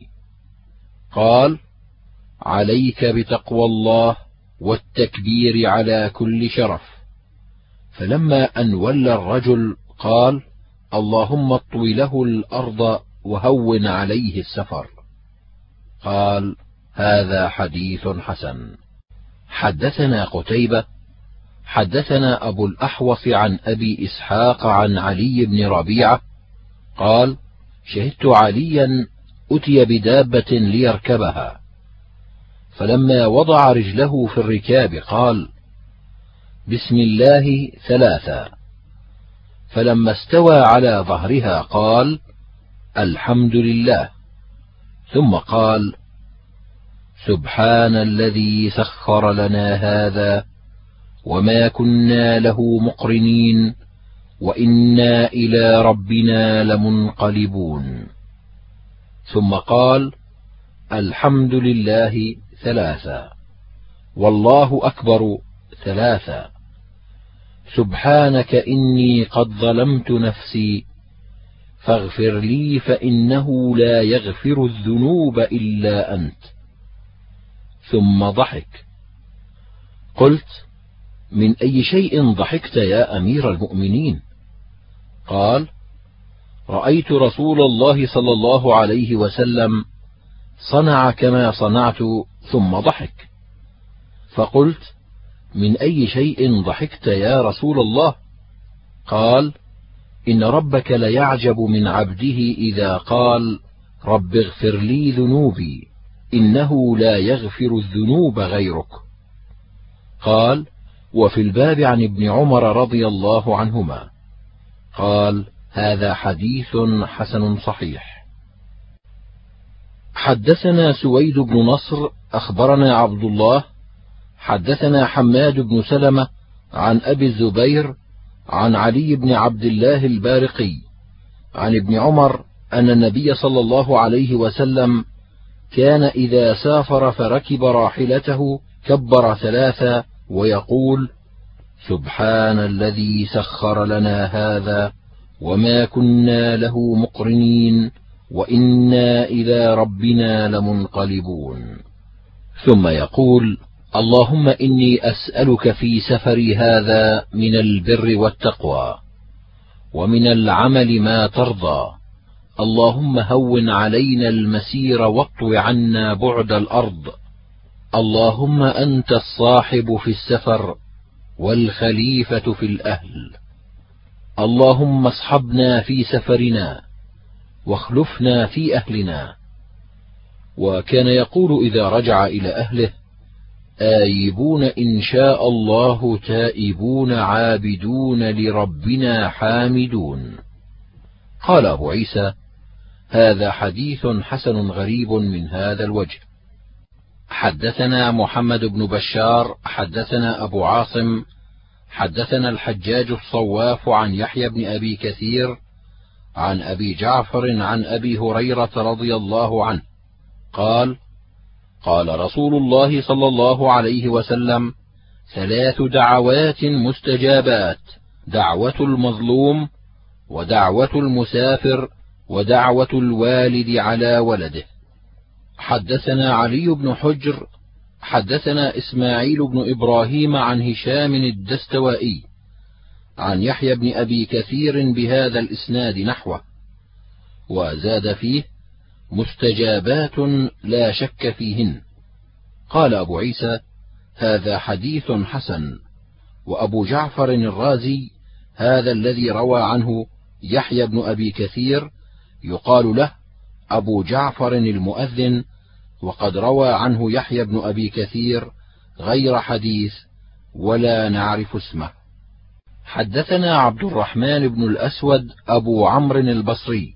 حدثنا محمد بن ربيعة عن ابن جريج عن عطاء عن عائشة رضي الله عنها قالت كان النبي صلى الله عليه وسلم إذا رأى الريح قال اللهم إني أسألك من خيرها وخير ما فيها وخير ما أرسلت به وأعوذ بك من شرها.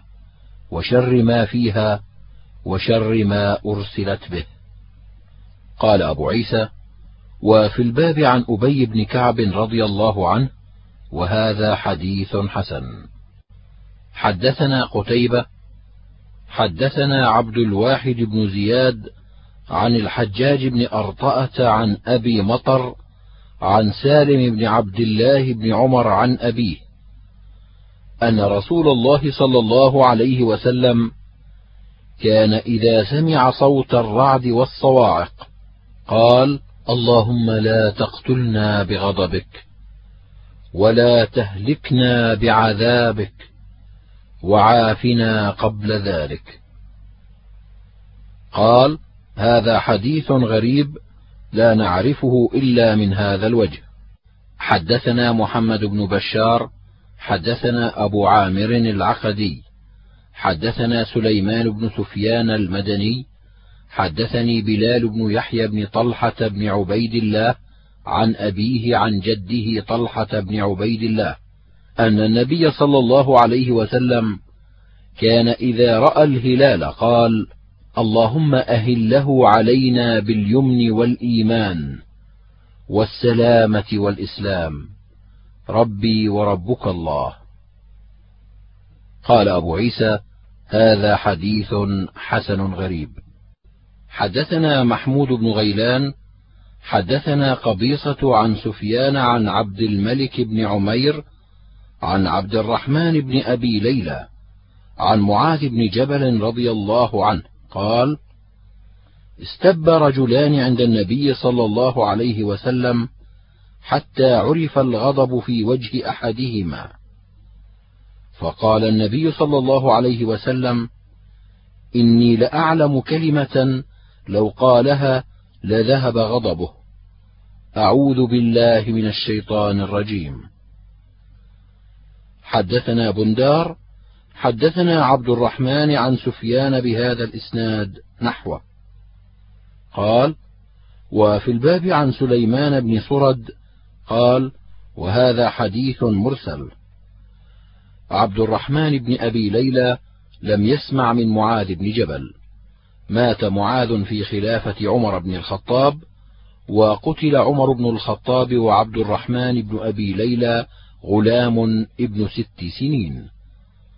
وهكذا روى شعبة عن الحكم عن عبد الرحمن بن أبي ليلى. وقد روى عبد الرحمن بن أبي ليلى عن عمر بن الخطاب ورآه. وعبد الرحمن بن أبي ليلى يكنى أبا عيسى وأبو ليلى اسمه يسار وروى عن عبد الرحمن بن أبي ليلى قال أدركت عشرين ومائة من أصحاب النبي صلى الله عليه وسلم.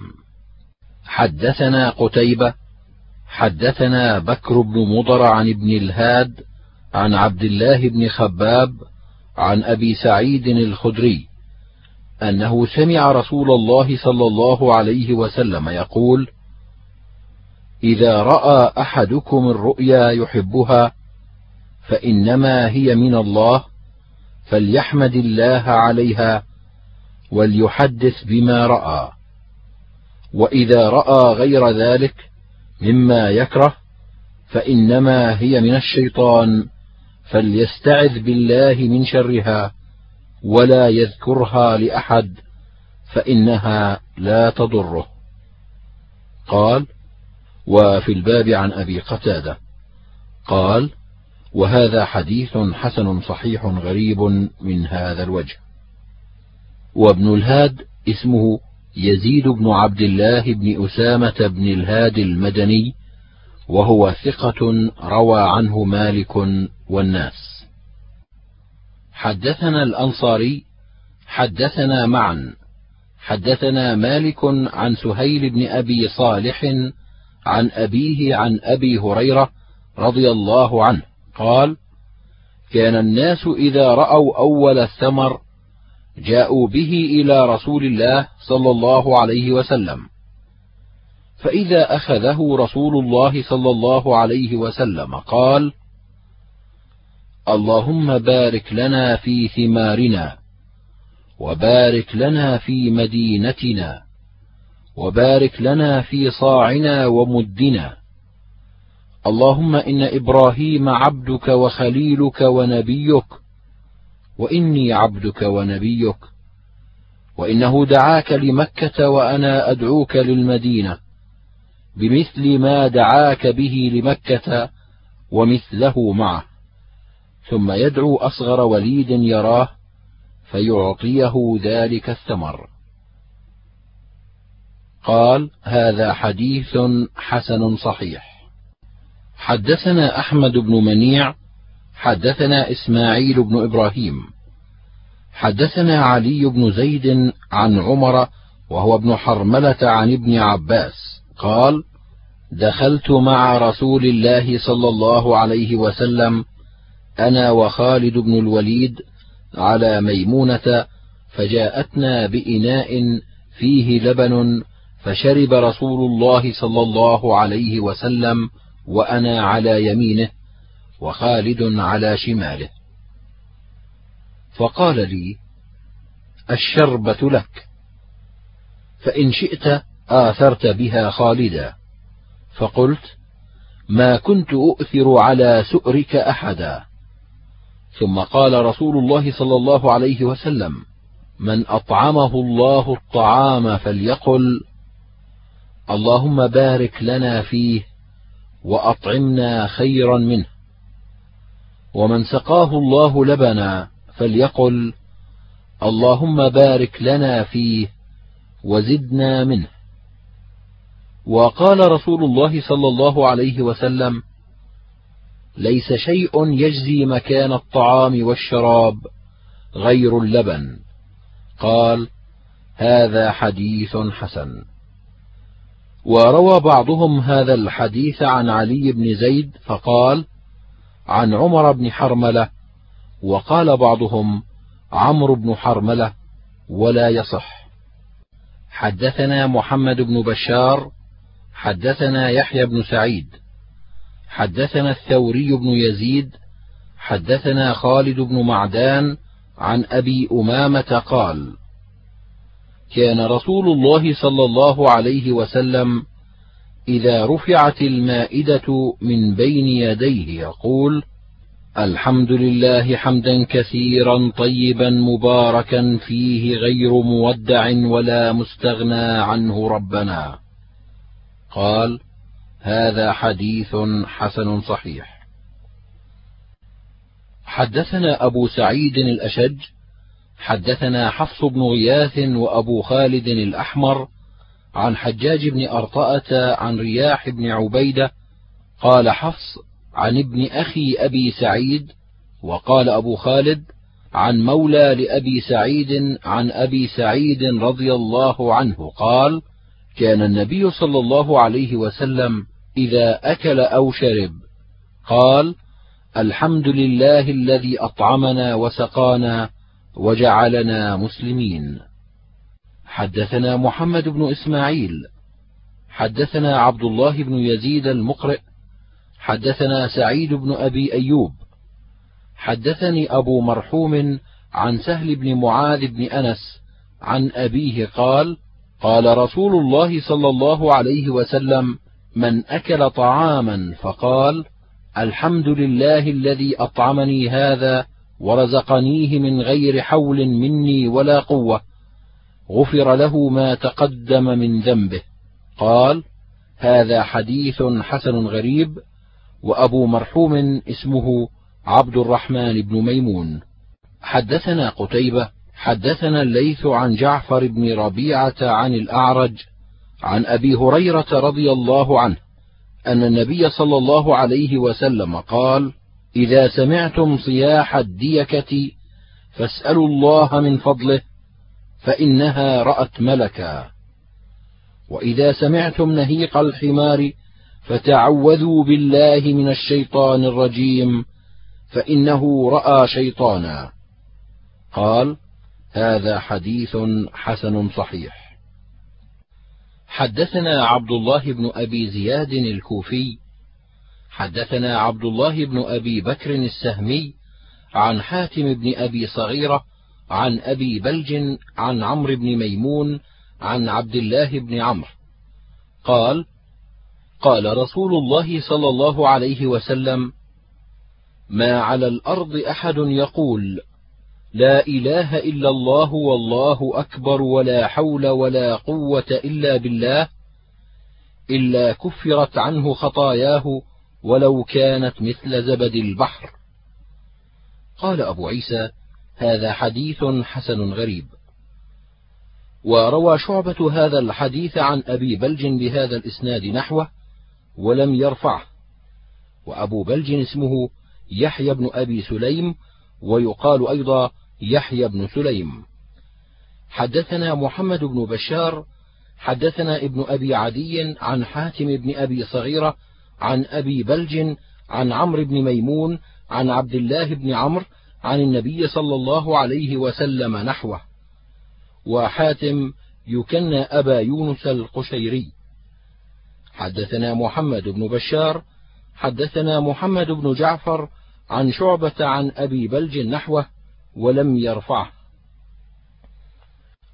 حدثنا محمد بن بشار حدثنا مرحوم بن عبد العزيز العطار. حدثنا أبو نعامة السعدي عن أبي عثمان النهدي عن أبي موسى الأشعري قال: كنا مع النبي صلى الله عليه وسلم في غزاة فلما قفلنا أشرفنا على المدينة فكبر الناس تكبيرة ورفعوا بها أصواتهم، فقال النبي صلى الله عليه وسلم: إن ربكم ليس بأصم ولا غائب، هو بينكم وبين رؤوس رحالكم، ثم قال يا عبد الله بن قيس ألا أعلمك كنزا من كنوز الجنة؟ لا حول ولا قوة إلا بالله. قال أبو عيسى هذا حديث حسن صحيح وأبو عثمان النهدي اسمه عبد الرحمن بن مل وأبو نعامة اسمه عمرو بن موسى. ومعنى قوله بينكم وبين رؤوس رحالكم يعني علمه وقدرته. حدثنا عبد الله بن أبي زياد حدثنا سيار. حدثنا عبد الواحد بن زياد عن عبد الرحمن بن إسحاق عن القاسم بن عبد الرحمن عن أبيه. عن ابن مسعود قال قال رسول الله صلى الله عليه وسلم لقيت إبراهيم ليلة أسري بي فقال يا محمد أقرئ أمتك مني السلام وأخبرهم أن الجنة طيبة التربة عذبة الماء وأنها قيعان وأن غراسها سبحان الله والحمد لله ولا إله إلا الله والله أكبر. قال وفي الباب عن أبي أيوب قال هذا حديث حسن غريب من هذا الوجه من حديث ابن مسعود. حدثنا محمد بن بشار حدثنا يحيى بن سعيد حدثنا موسى الجهني حدثني مصعب بن سعد عن أبيه أن رسول الله صلى الله عليه وسلم قال لجلسائه أيعجز أحدكم أن يكسب ألف حسنة؟ فسأله سائل من جلسائه كيف يكسب أحدنا ألف حسنة؟ قال يسبح أحدكم مائه تسبيحة تكتب له ألف حسنة وتحط عنه ألف سيئة. قال هذا حديث حسن صحيح. حدثنا أحمد بن منيع وغير واحد. قالوا حدثنا روح بن عبادة عن حجاج الصواف عن أبي الزبير عن جابر عن النبي صلى الله عليه وسلم قال من قال سبحان الله العظيم وبحمده غرست له نخلة في الجنة. قال أبو عيسى هذا حديث حسن صحيح غريب لا نعرفه إلا من حديث أبي الزبير عن جابر.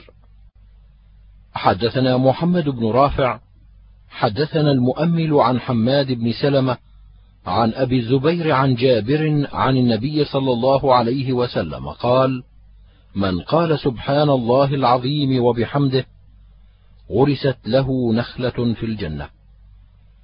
قال أبو عيسى هذا حديث حسن غريب. حدثنا نصر بن عبد الرحمن الكوفي. حدثنا المحاربي عن مالك بن أنس عن سمي عن أبي صالح عن أبي هريرة أن رسول الله صلى الله عليه وسلم قال من قال سبحان الله وبحمده مئة مرة غفرت له ذنوبه وإن كانت مثل زبد البحر. قال أبو عيسى هذا حديث حسن صحيح. حدثنا يوسف بن عيسى حدثنا محمد بن الفضيل عن عمارة بن القعقاع عن أبي زرعة عن عمرو بن جرير عن أبي هريرة رضي الله عنه قال قال رسول الله صلى الله عليه وسلم كلمتان خفيفتان على اللسان ثقيلتان في الميزان حبيبتان إلى الرحمن. سبحان الله وبحمده. سبحان الله العظيم. قال هذا حديث حسن غريب صحيح. حدثنا إسحاق بن موسى الأنصاري. حدثنا معا حدثنا مالك عن سمي عن أبي صالح عن أبي هريرة أن رسول الله صلى الله عليه وسلم قال من قال لا إله إلا الله وحده لا شريك له له الملك وله الحمد يحيي ويميت وهو على كل شيء قدير في يوم مئة مرة. كانت له عدل عشر رقاب وكتبت له مئة حسنة ومحيت عنه مئة سيئة وكان له حرزا من الشيطان يومه ذلك حتى يمسي. ولم يأت أحد بأفضل مما جاء به إلا أحد عمل أكثر من ذلك.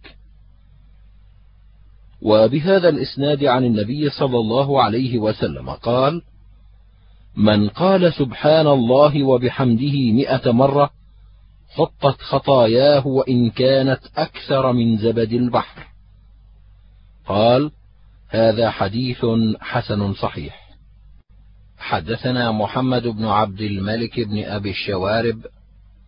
حدثنا عبد العزيز بن المختار عن سهيل بن أبي صالح عن سمي عن أبي صالح عن أبي هريرة عن النبي صلى الله عليه وسلم قال من قال حين يصبح وحين يمسي سبحان الله وبحمده مئة مرة لم يأت أحد يوم القيامة بأفضل مما جاء به إلا أحد قال مثل ما قال وزاد عليه.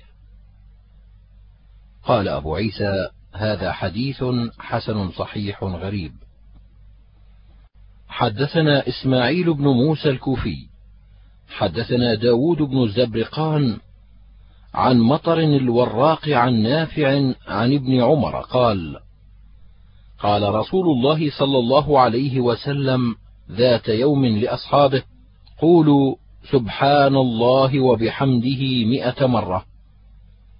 من قالها مرة كتبت له عشرا ومن قالها عشرا كتبت له مئة ومن قالها مئة كتبت له ألفا ومن زاد زاده الله ومن استغفر غفر الله له. قال أبو عيسى هذا حديث حسن غريب.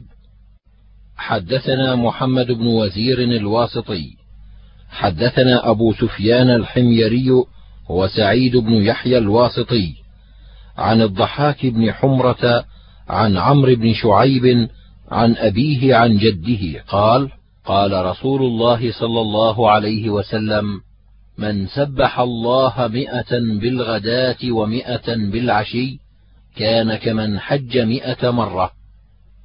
ومن حمد الله مئة بالغداة ومئة بالعشي كان كمن حمل على مئة فرس في سبيل الله أو قال غزا مئة غزوة. ومن هلل الله مئة بالغداة ومئة بالعشي. كان كمن أعتق مئة رقبة من ولد إسماعيل. ومن كبر الله مئة بالغداة ومئة بالعشي. لم يأت في ذلك اليوم أحد بأكثر مما أتى.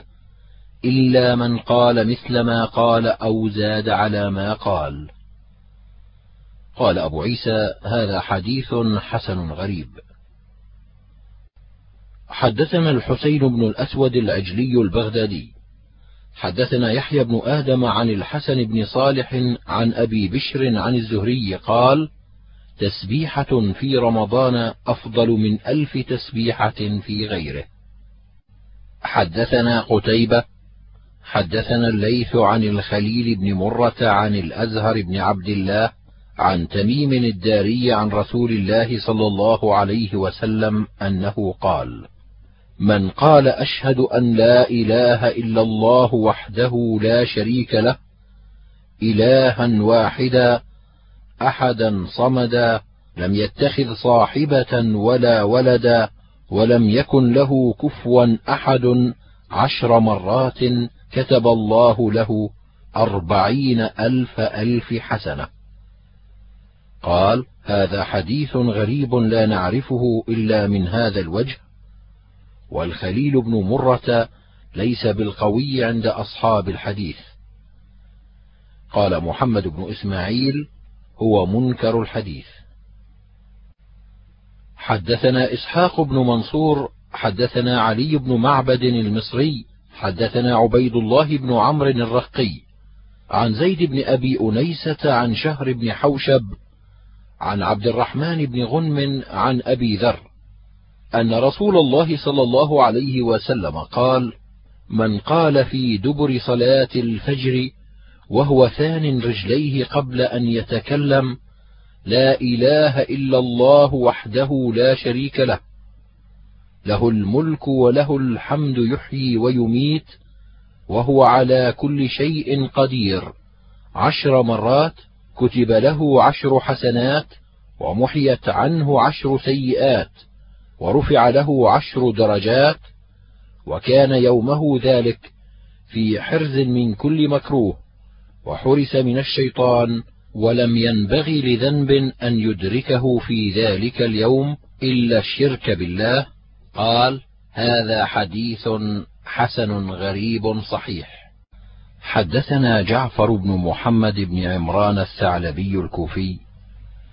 حدثنا زيد بن حباب عن زهير بن معاوية عن مالك بن مغول عن عبد الله بن بريدة الأسلمي.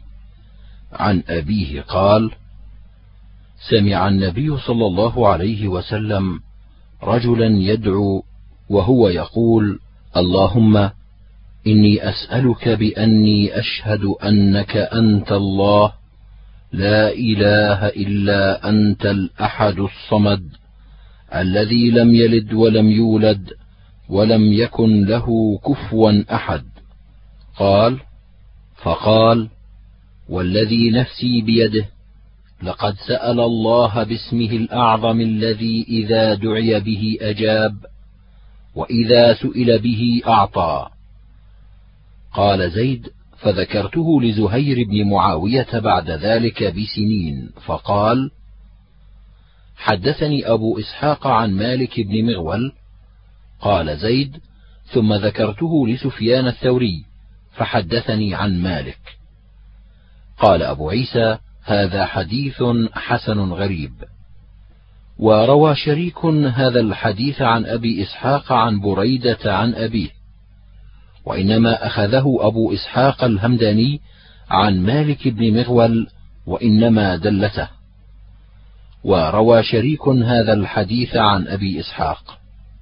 حدثنا قتيبة حدثنا رشدين بن سعد عن أبي هانئ الخولاني عن أبي علي الجنبي عن فضالة بن عبيد.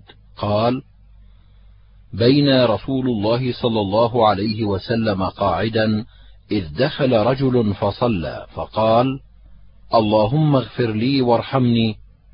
فقال رسول الله صلى الله عليه وسلم عجلت أيها المصلي إذا صليت فقعدت فاحمد الله بما هو أهله وصل علي ثم ادعه قال ثم صلى رجل آخر بعد ذلك فحمد الله وصلى على النبي صلى الله عليه وسلم. فقال له النبي صلى الله عليه وسلم أيها المصلي ادع تجب. قال أبو عيسى هذا حديث حسن رواه حيوة بن شريح عن أبي هانئ وأبو هانئ اسمه حميد بن هانئ. وأبو علي الجنبي اسمه عمرو بن مالك. حدثنا محمود بن غيلان حدثنا عبد الله بن يزيد المقرئ حدثنا حيوة بن شريح حدثني أبو هانئ الخولاني أن عمرو بن مالك الجنبي أخبره أنه سمع فضالة بن عبيد يقول: سمع النبي صلى الله عليه وسلم رجلا يدعو في صلاته فلم يصل على النبي صلى الله عليه وسلم. فقال النبي صلى الله عليه وسلم عجل هذا. ثم دعاه فقال له ولغيره إذا صلى أحدكم فليبدأ بتحميد الله والثناء عليه. ثم ليصلي على النبي صلى الله عليه وسلم ثم ليدعو بعد بما شاء. قال أبو عيسى هذا حديث حسن صحيح. حدثنا علي بن خشرم حدثنا عيسى بن يونس عن عبيد الله بن أبي زياد القداح كذا قال عن شهر بن حوشب عن أسماء بنت يزيد أن النبي صلى الله عليه وسلم قال اسم الله الأعظم في هاتين الآيتين وإلهكم إله واحد لا إله إلا هو الرحمن الرحيم. وفاتحة آل عمران ألف لام ميم الله لا إله إلا هو الحي القيوم. قال أبو عيسى هذا حديث حسن صحيح.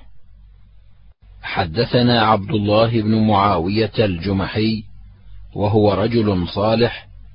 حدثنا صالح المري عن هشام بن حسان عن محمد بن سيرين. عن أبي هريرة قال قال رسول الله صلى الله عليه وسلم ادعوا الله وأنتم موقنون بالإجابة. واعلموا أن الله لا يستجيب دعاء من قلب غافل له قال أبو عيسى هذا حديث غريب لا نعرفه إلا من هذا الوجه. سمعت عباسا العنبري يقول اكتبوا عن عبد الله بن معاوية الجمحي فإنه ثقة. حدثنا أبو كريب حدثنا أبو معاوية بن هشام عن حمزة الزيات عن حبيب بن أبي ثابت عن عروة عن عائشة قالت: كان رسول الله صلى الله عليه وسلم يقول: اللهم عافني في جسدي، وعافني في بصري، واجعله الوارث مني. لا إله إلا الله الحليم الكريم. سبحان الله رب العرش العظيم. الحمد لله رب العالمين. قال أبو عيسى هذا حديث حسن غريب. قال سمعت محمدا يقول حبيب بن أبي ثابت لم يسمع من عروة بن الزبير شيئا والله أعلم.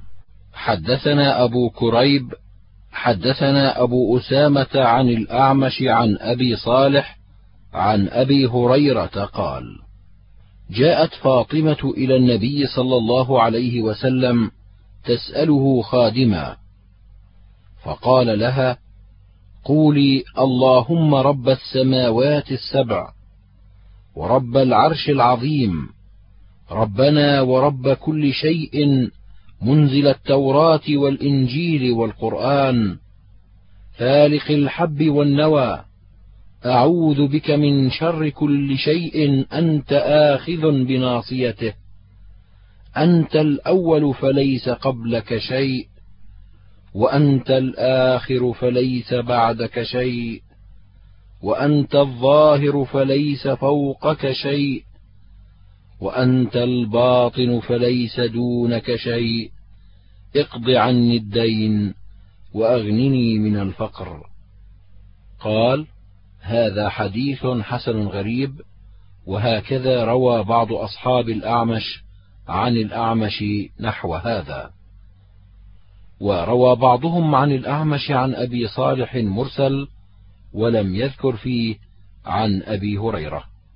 حدثنا أبو كريب حدثنا يحيى بن آدم عن أبي بكر بن عياش عن الأعمش عن عمرو بن مرة عن عبد الله بن الحارث عن زهير بن الأقمر عن عبد الله بن عمرو قال كان رسول الله صلى الله عليه وسلم يقول اللهم إني أعوذ بك من قلب لا يخشع. ودعاء لا يسمع ومن نفس لا تشبع ومن علم لا ينفع. أعوذ بك من هؤلاء الأربع. قال وفي الباب عن جابر وأبي هريرة وابن مسعود. قال وهذا حديث حسن صحيح غريب من هذا الوجه من حديث عبد الله بن عمرو. حدثنا أحمد بن منيع حدثنا أبو معاوية عن شبيب بن شيبة عن الحسن البصري عن عمران بن حسين قال قال النبي صلى الله عليه وسلم لأبي يا حسين كم تعبد اليوم إلها؟ قال أبي سبعة ستا في الأرض وواحدا في السماء. قال فأيهم تعد لرغبتك ورهبتك؟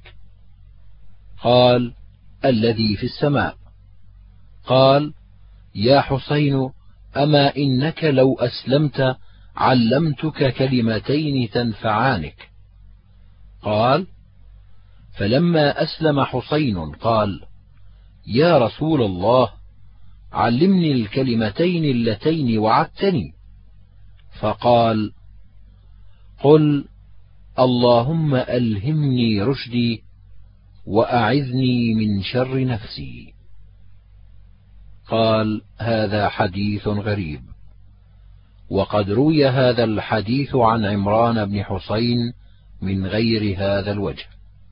حدثنا محمد بن بشار حدثنا أبو عامر العقدي حدثنا أبو مصعب المدني عن عمرو بن أبي عمرو مولى المطلب عن أنس بن مالك رضي الله عنه قال كثيرا ما كنت أسمع النبي صلى الله عليه وسلم يدعو بهؤلاء الكلمات. اللهم إني أعوذ بك من الهم والحزن والعجز والكسل والبخل وضلع الدين وغلبة الرجال. قال أبو عيسى هذا حديث غريب من هذا الوجه من حديث عمرو بن أبي عمرو. حدثنا علي بن حجر حدثنا إسماعيل بن جعفر عن حميد عن أنس عن النبي صلى الله عليه وسلم كان يدعو يقول اللهم إني أعوذ بك من الكسل والهرم والجبن والبخل وفتنة المسيح وعذاب القبر. قال أبو عيسى هذا حديث حسن صحيح. حدثنا محمد بن عبد الأعلى بصري. حدثنا عثام بن علي عن الأعمش عن عطاء بن السائب عن أبيه عن عبد الله بن عمرو قال رأيت النبي صلى الله عليه وسلم يعقد التسبيح. فقال هذا حديث حسن غريب من هذا الوجه من حديث الأعمش عن عطاء بن السائب. وروى شعبة والثوري هذا الحديث عن عطاء بن السائب بطوله. وفي الباب عن يسيرة بنت ياسر عن النبي صلى الله عليه وسلم قالت قال رسول الله صلى الله عليه وسلم يا معشر النساء اعقدن بالأنامل فإنهن مسؤولات مستنطقات. حدثنا محمد بن بشار حدثنا سهل بن يوسف حدثنا حميد عن ثابت البناني عن أنس بن مالك أن النبي صلى الله عليه وسلم عاد رجلا قد جهد حتى صار مثل الفرخ فقال له أما كنت تدعو؟ أما كنت تسأل ربك العافية؟ قال كنت أقول اللهم ما كنت معاقبي به في الآخرة فعجله لي في الدنيا. فقال النبي صلى الله عليه وسلم سبحان الله إنك لا تطيقه أو لا تستطيعه. أفلا كنت تقول اللهم آتنا في الدنيا حسنة وفي الآخرة حسنة وقنا عذاب النار. قال أبو عيسى هذا حديث حسن صحيح غريب من هذا الوجه.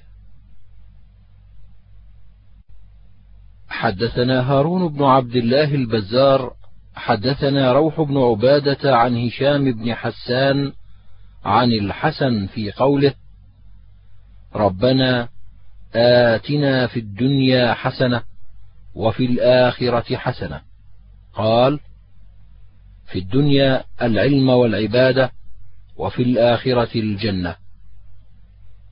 حدثنا محمد بن المثنى حدثنا خالد بن الحارث عن حميد عن ثابت عن أنس نحوه.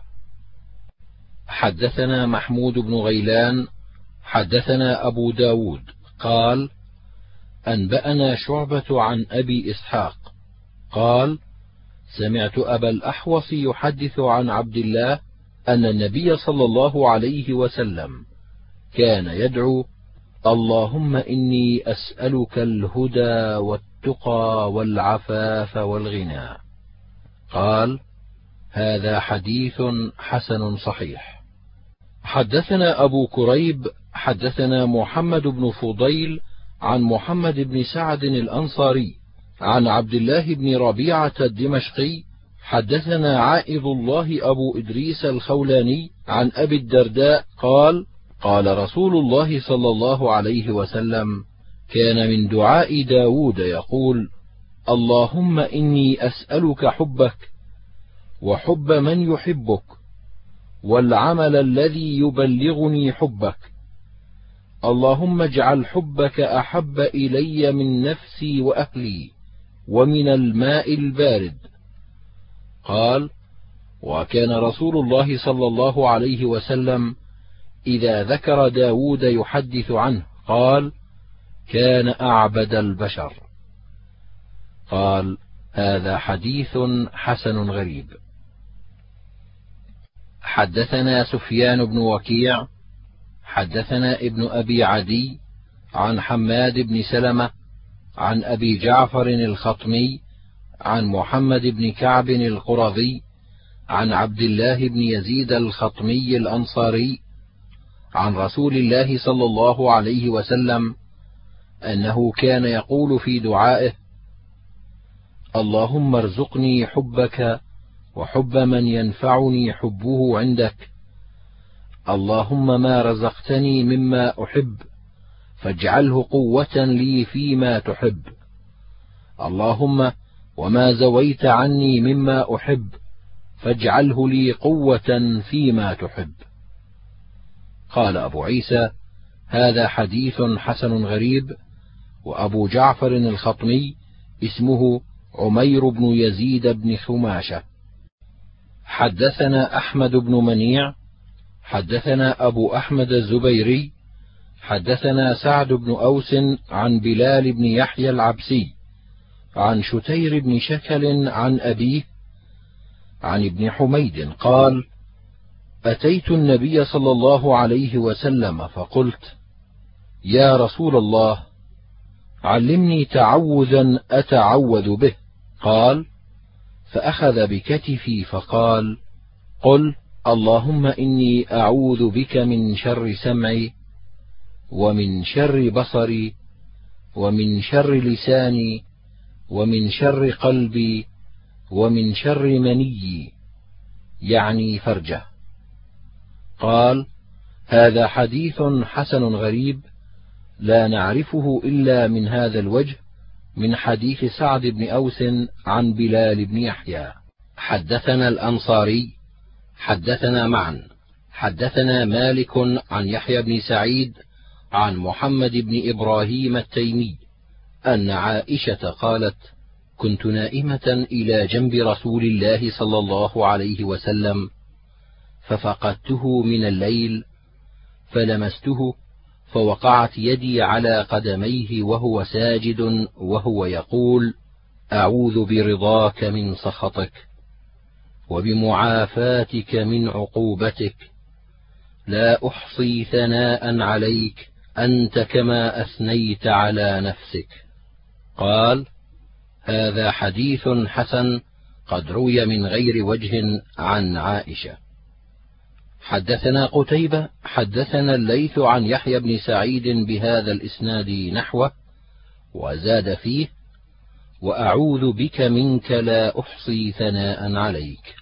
حدثنا الأنصاري حدثنا معا حدثنا مالك عن أبي الزبير المكي عن طاووس اليماني عن عبد الله بن عباس أن رسول الله صلى الله عليه وسلم كان يعلمهم هذا الدعاء كما يعلمهم السورة من القرآن. اللهم إني أعوذ بك من عذاب جهنم وعذاب القبر. وأعوذ بك من فتنة المسيح الدجال وأعوذ بك من فتنة المحيا والممات. قال أبو عيسى هذا حديث حسن صحيح. حدثنا هارون بن إسحاق الهمداني حدثنا عبدة بن سليمان عن هشام بن عروة عن أبيه عن عائشة قالت كان رسول الله صلى الله عليه وسلم يدعو بهؤلاء الكلمات.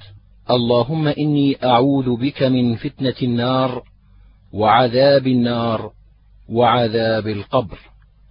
وفتنة القبر ومن شر فتنة الغنى ومن شر فتنة الفقر ومن شر فتنة المسيح الدجال. اللهم اغسل خطاياي بماء الثلج والبرد وأنق قلبي من الخطايا كما أنقيت الثوب الأبيض من الدنس. وباعد بيني وبين خطاياي كما باعدت بين المشرق والمغرب. اللهم إني أعوذ بك من الكسل والهرم والمأثم والمغرم. قال هذا حديث حسن صحيح. حدثنا هارون بن إسحاق حدثنا عبدة عن هشام بن عروة عن عباد بن عبد الله بن الزبير عن عائشة قالت سمعت رسول الله صلى الله عليه وسلم يقول عند وفاته اللهم اغفر لي وارحمني وألحقني بالرفيق الأعلى. قال هذا حديث حسن صحيح. حدثنا الأنصاري حدثنا معا حدثنا مالك عن أبي الزناد عن الأعرج عن أبي هريرة أن رسول الله صلى الله عليه وسلم قال لا يقول أحدكم اللهم اغفر لي إن شئت اللهم ارحمني إن شئت. ليعزم المسألة فإنه لا مكره له. قال هذا حديث حسن صحيح.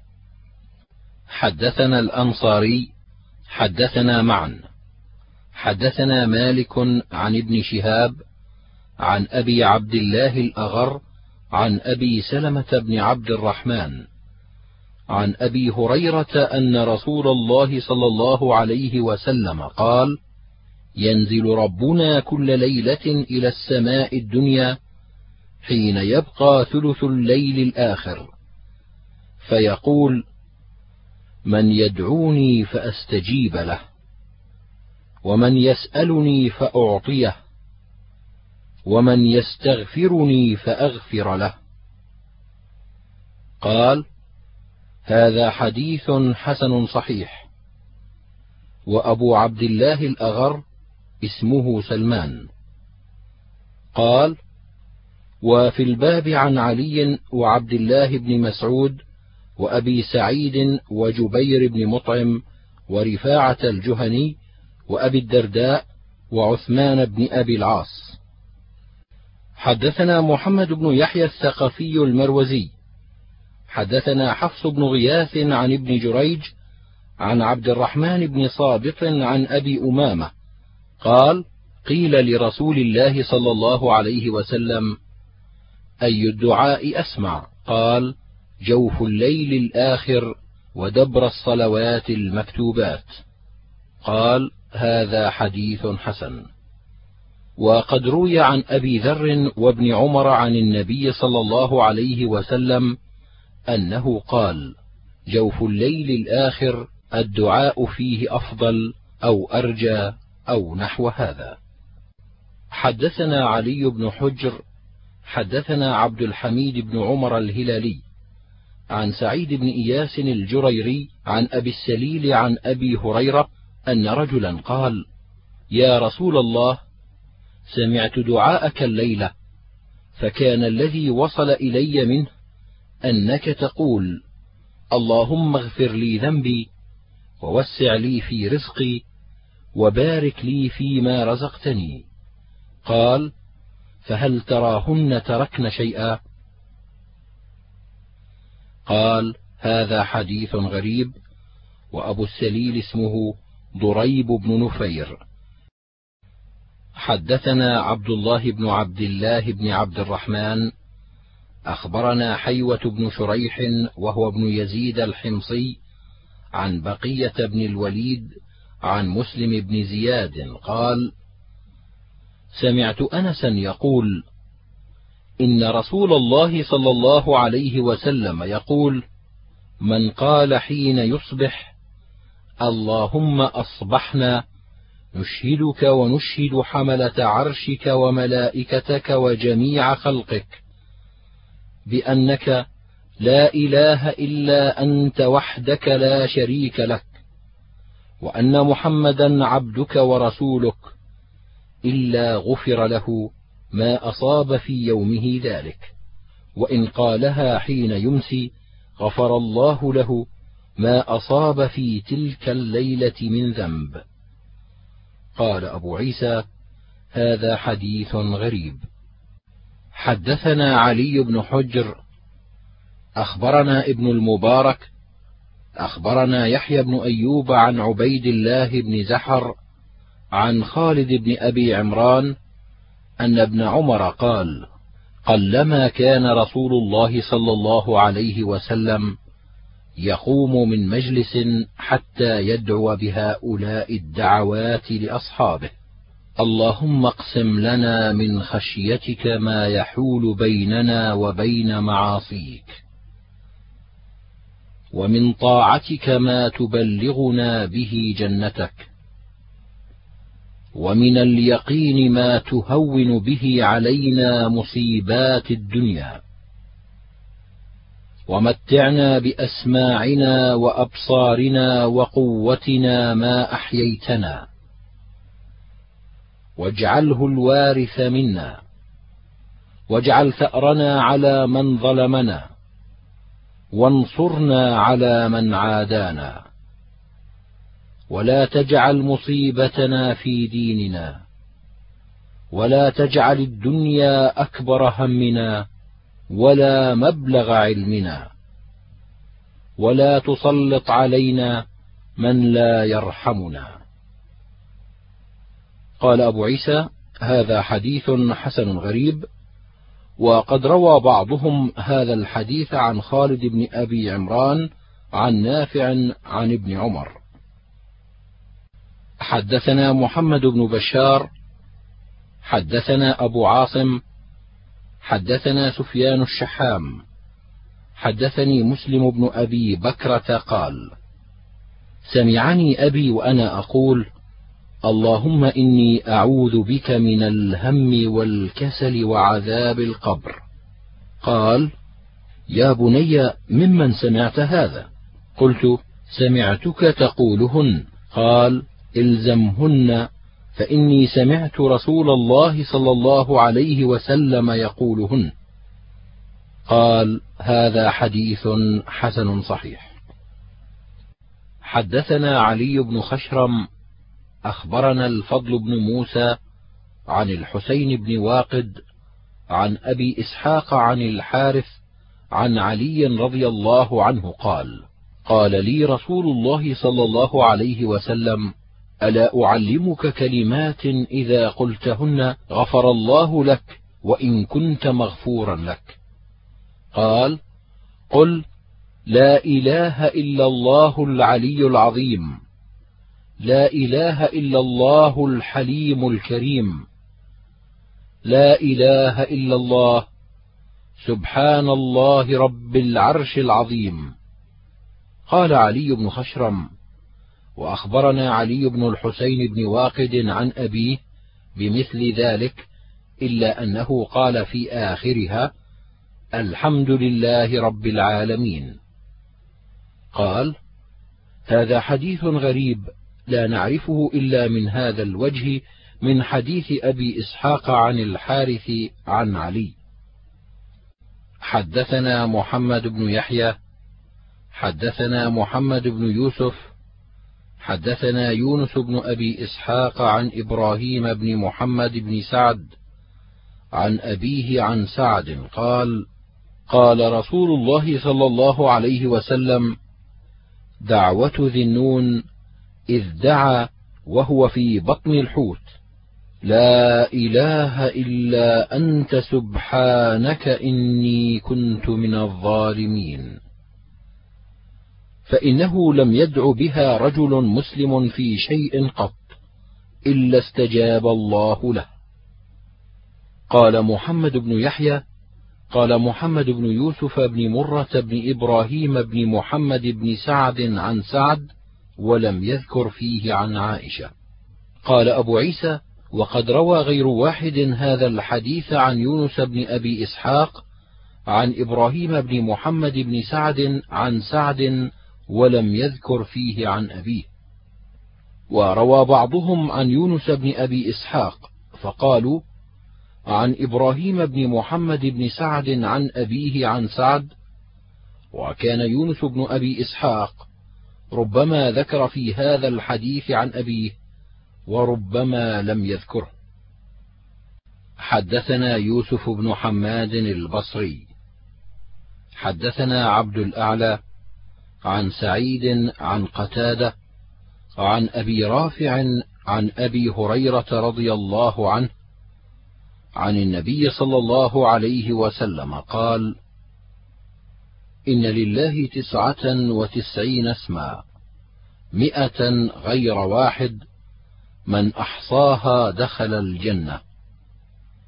قال يوسف وحدثنا عبد الأعلى عن هشام بن حسان عن محمد عن أبي هريرة رضي الله عنه عن النبي صلى الله عليه وسلم. حدثنا إبراهيم بن يعقوب الجوزجاني حدثني صفوان بن صالح حدثنا الوليد بن مسلم حدثنا شعيب بن أبي حمزة عن أبي الزناد عن الأعرج عن أبي هريرة قال قال رسول الله صلى الله عليه وسلم إن لله تعالى تسعة وتسعين اسما من أحصاها دخل الجنة. هو الله الذي لا إله إلا هو الرحمن الرحيم الملك القدوس السلام المؤمن المهيمن العزيز الجبار المتكبر الخالق البارئ المصور الغفار القهار الوهاب الرزاق الفتاح العليم القابض الباسط الخافض الرافع المعز المذل السميع البصير الحكم العدل اللطيف الخبير الحليم العظيم الغفور الشكور العلي الكبير الحفيظ المقيت الحسيب الجليل الكريم الرقيب المجيب الواسع الحكيم الودود. المجيد الباعث الشهيد الحق الوكيل القوي المتين الولي الحميد المحصي المبدئ المعيد المحيي المميت الحي القيوم الواجد الماجد الواحد الصمد القادر المقتدر المقدم المؤخر الأول الآخر الظاهر الباطن الوالي المتعالي. البر التواب المنتقم العفو الرؤوف. مالك الملك ذو الجلال والإكرام. المقسط الجامع الغني المغني. المانع الضار النافع. النور الهادي البديع الباقي. الوارث الرشيد الصبور.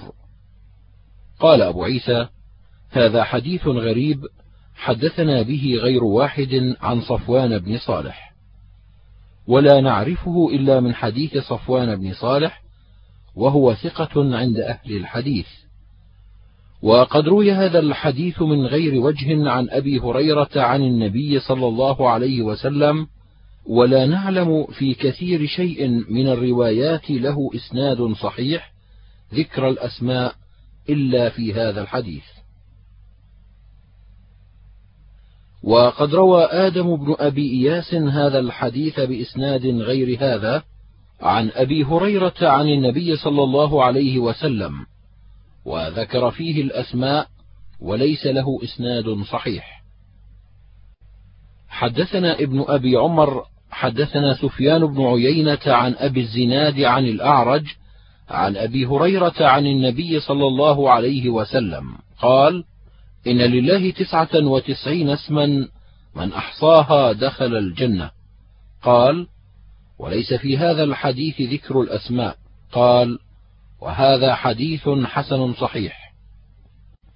حدثنا إبراهيم بن يعقوب حدثنا يزيد بن حبان أن حميدا المكي مولى بن علقمة حدثه أن عطاء بن أبي رباح حدثه عن أبي هريرة. قال قال رسول الله صلى الله عليه وسلم إذا مررتم برياض الجنة فارتعوا. قلت يا رسول الله وما رياض الجنة؟ قال المساجد. قلت وما الرتع يا رسول الله؟ قال سبحان الله والحمد لله ولا إله إلا الله والله أكبر. قال أبو عيسى هذا حديث حسن غريب. حدثنا عبد الوارث بن عبد الصمد بن عبد الوارث قال حدثني أبي قال حدثنا محمد بن ثابت البناني قال حدثني أبي عن أنس بن مالك رضي الله عنه أن رسول الله صلى الله عليه وسلم قال إذا مررتم برياض الجنة فارتعوا. قال وما رياض الجنة؟ قال حلق الذكر. قال أبو عيسى هذا حديث حسن غريب من هذا الوجه من حديث ثابت عن أنس. حدثنا إبراهيم بن يعقوب حدثنا عمرو بن عاصم حدثنا حماد بن سلمة عن ثابت عن عمرو بن أبي سلمة عن أمه أم سلمة عن أبي سلمة أن رسول الله صلى الله عليه وسلم قال إذا أصاب أحدكم مصيبة فليقل إنا لله وإنا إليه راجعون. اللهم عندك احتسبت مصيبتي فأجرني فيها وأبدلني منها خيرا. فلما احتضر أبو سلمة قال اللهم اخلف في أهلي خيرا مني. فلما قبض قالت أم سلمة إنا لله وإنا إليه راجعون. عند الله احتسبت مصيبتي فأجرني فيها. قال أبو عيسى هذا حديث غريب من هذا الوجه. وروي هذا الحديث من غير هذا الوجه عن أم سلمة وأبو سلمة اسمه عبد الله بن عبد الأسد. حدثنا يوسف بن عيسى حدثنا الفضل بن موسى حدثنا سلمة بن وردان عن أنس بن مالك أن رجلا جاء إلى النبي صلى الله عليه وسلم فقال يا رسول الله أي الدعاء أفضل؟ قال سل ربك العافية والمعافاة في الدنيا والآخرة. ثم أتاه في اليوم الثاني فقال يا رسول الله أي الدعاء أفضل؟ فقال له مثل ذلك. ثم أتاه في اليوم الثالث فقال له مثل ذلك. قال فإذا أعطيت العافية في الدنيا وأعطيتها في الآخرة فقد أفلحت. قال هذا حديث حسن غريب من هذا الوجه إنما نعرفه من حديث سلمة بن وردان. حدثنا قتيبة حدثنا جعفر بن سليمان الضبعي عن كهمس بن الحسن عن عبد الله بن بريدة عن عائشة قالت: قلت يا رسول الله أرأيت إن علمت أي ليلة ليلة القدر ما أقول فيها؟ قال: قولي: اللهم إنك عفو كريم تحب العفو فاعف عني. قال: هذا حديث حسن صحيح حدثنا أحمد بن منيع حدثنا عبيدة بن حميد عن يزيد بن أبي زياد عن عبد الله بن الحارث عن العباس بن عبد المطلب قال قلت يا رسول الله علمني شيئا أسأله الله عز وجل. قال سل الله العافية. فمكثت اياما ثم جئت فقلت يا رسول الله علمني شيئا أسأله الله. فقال لي يا عباس يا عم رسول الله سلوا الله العافية في الدنيا والآخرة. قال أبو عيسى هذا حديث صحيح. وعبد الله بن الحارث بن نوفل قد سمع من العباس بن عبد المطلب. حدثنا القاسم بن دينار الكوفي حدثنا إسحاق بن منصور الكوفي عن إسرائيل عن عبد الرحمن بن أبي بكر وهو المليكي عن موسى بن عقبة عن نافع عن ابن عمر قال قال رسول الله صلى الله عليه وسلم ما سئل الله شيئا أحب إليه من أن يسأل العافية. هذا حديث غريب لا نعرفه إلا من حديث عبد الرحمن بن أبي بكر المليكي. حدثنا محمد بن بشار حدثنا إبراهيم بن عمر بن أبي الوزير حدثنا زنفل بن عبد الله أبو عبد الله عن ابن أبي مليكة عن عائشة عن أبي بكر الصديق أن النبي صلى الله عليه وسلم كان إذا أراد أمرا قال اللهم خر لي واختر لي. قال أبو عيسى هذا حديث غريب لا نعرفه إلا من حديث زنفل وهو ضعيف عند أهل الحديث.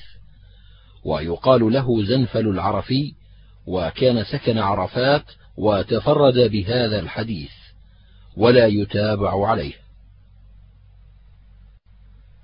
حدثنا إسحاق بن منصور حدثنا حبان بن هلال حدثنا أبان حدثنا يحيى أن زيد بن سلام حدثه أن أبا سلام حدثه عن أبي مالك الأشعري قال قال رسول الله صلى الله عليه وسلم الوضوء شطر الإيمان والحمد لله تملأ الميزان وسبحان الله والحمد لله تملأان أو تملأ ما بين السماوات والأرض. والصلاة نور والصدقة برهان والصبر ضياء والقرآن حجة لك أو عليك. كل الناس يغدو فبائع نفسه فمعتقها أو موبقها. قال أبو عيسى هذا حديث صحيح. حدثنا الحسن بن عرفة حدثنا إسماعيل بن عياش عن عبد الرحمن بن زياد بن أنعم عن عبد الله بن يزيد بن عبد الله بن عمرو قال قال رسول الله صلى الله عليه وسلم التسبيح نصف الميزان والحمد يملأه ولا إله إلا الله ليس لها دون الله حجاب حتى تخلص إليه. قال أبو عيسى هذا حديث غريب من هذا الوجه وليس إسناده بالقوي. حدثنا هناد حدثنا أبو الأحوص عن أبي إسحاق عن جرير النهدي عن رجل من بني سليم قال عدهن رسول الله صلى الله عليه وسلم في يدي أو في يده التسبيح نصف الميزان والحمد يملأه والتكبير يملأ ما بين السماء والأرض والصوم نصف الصبر والطهور نصف الإيمان. قال أبو عيسى هذا حديث حسن. وقد رواه شعبة وسفيان الثوري عن أبي إسحاق. حدثنا محمد بن حاتم المؤدب. حدثنا علي بن ثابت. حدثني قيس بن الربيع. وكان من بني أسد عن الأغر بن الصباح عن خليفة بن حسين عن علي بن أبي طالب قال أكثر ما دعا به رسول الله صلى الله عليه وسلم عشية عرفة في الموقف اللهم لك الحمد كالذي تقول وخيرا مما نقول. اللهم لك صلاتي ونسكي ومحياي ومماتي. وإليك مآبي ولك ربي تراثي. اللهم إني أعوذ بك من عذاب القبر ووسوسة الصدر وشتات الأمر. اللهم إني أعوذ بك من شر ما يجيء به الريح. قال هذا حديث غريب من هذا الوجه وليس إسناده بالقوي. حدثنا محمد بن حاتم حدثنا عمار بن محمد بن أخت سفيان الثوري حدثنا الليث عن عبد الرحمن بن صابط عن أبي أمامة قال دعا رسول الله صلى الله عليه وسلم بدعاء كثير لم نحفظ منه شيئا.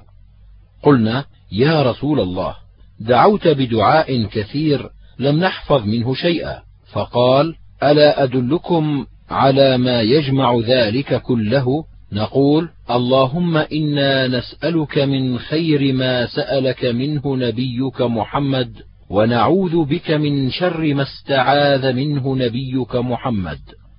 وأنت المستعان وعليك البلاغ ولا حول ولا قوة إلا بالله. قال أبو عيسى هذا حديث حسن غريب. حدثنا أبو موسى الأنصاري حدثنا معاذ بن معاذ عن أبي بن كعب صاحب الحرير حدثني شهر بن حوشب قال قلت لأم سلمة يا أم المؤمنين ما كان أكثر دعاء رسول الله صلى الله عليه وسلم إذا كان عندك؟ قالت كان أكثر دعائه يا مقلب القلوب. ثبت قلبي على دينك. قالت قلت يا رسول الله ما أكثر دعاءك يا مقلب القلوب ثبت قلبي على دينك؟ قال يا أم سلمة إنه ليس آدمي إلا وقلبه بين أصبعين من أصابع الله فمن شاء أقام ومن شاء أزاغ. فتلا معاذ ربنا لا تزغ قلوبنا بعد إذ هديتنا. قال وفي الباب عن عائشة والنواس بن سمعان وأنس وجابر وعبد الله بن عمرو ونعيم بن عمار. قال وهذا حديث حسن.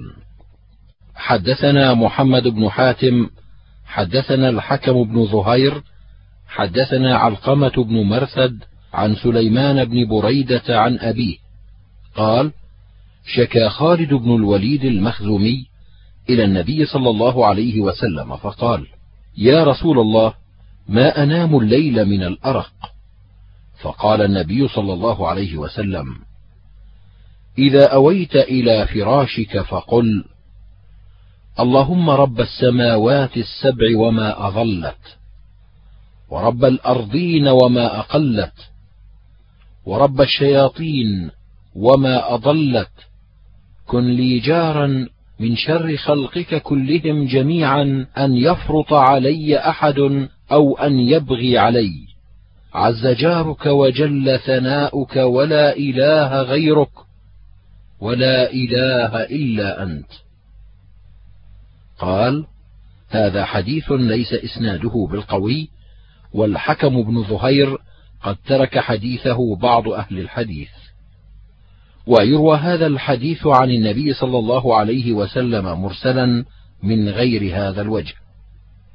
حدثنا محمد بن حاتم المكتب حدثنا أبو بدر شجاع بن الوليد عن الرجيل بن معاوية أخي زهير بن معاوية عن الرقاشي عن أنس بن مالك قال كان النبي صلى الله عليه وسلم إذا كربه أمر قال يا حي يا قيوم برحمتك أستغيث.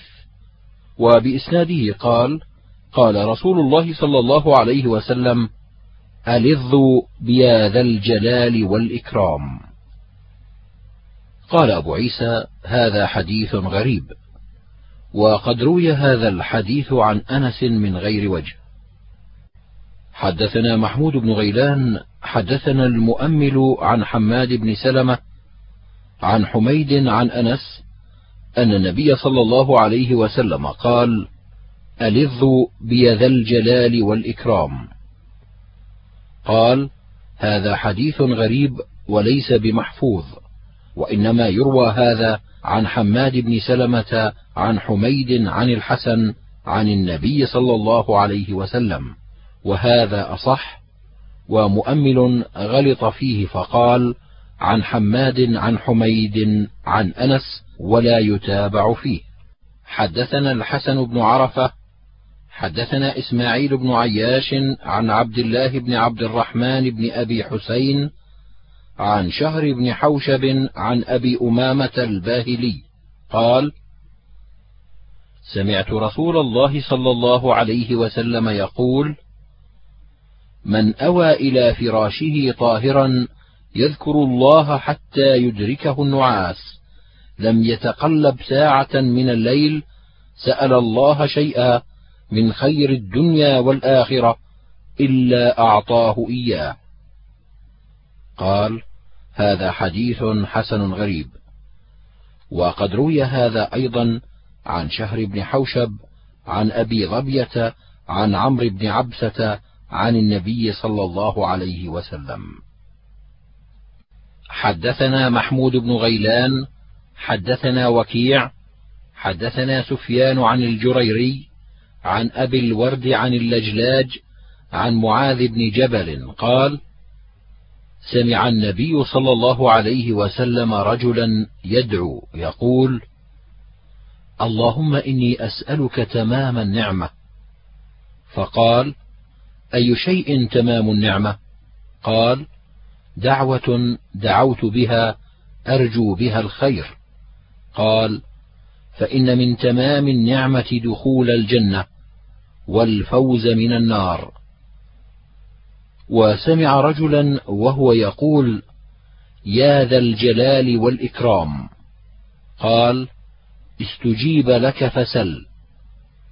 وسمع النبي صلى الله عليه وسلم رجلا وهو يقول اللهم إني أسألك الصبر. فقال سألت الله البلاء فسله العافية. حدثنا أحمد بن منيع حدثنا إسماعيل بن إبراهيم عن الجريري بهذا الإسناد نحوه. قال أبو عيسى هذا حديث حسن. حدثنا علي بن حجر حدثنا إسماعيل بن عياش عن محمد بن إسحاق عن عمرو بن شعيب عن أبيه عن جده أن رسول الله صلى الله عليه وسلم قال إذا فزع أحدكم في النوم فليقل أعوذ بكلمات الله التامات من غضبه وعقابه وشر عباده ومن همزات الشياطين وأن يحضرون. فإنها لن تضره. قال وكان عبد الله بن عمر يعلمها من بلغ من ولده ومن لم يبلغ منهم كتبها في صك ثم علقها في عنقه. قال أبو عيسى هذا حديث حسن غريب. حدثنا الحسن بن عرفة حدثنا إسماعيل بن عياش عن محمد بن زياد عن أبي راشد الحبراني. قال أتيت عبد الله بن عمرو بن العاص فقلت له حدثنا مما سمعت من رسول الله صلى الله عليه وسلم.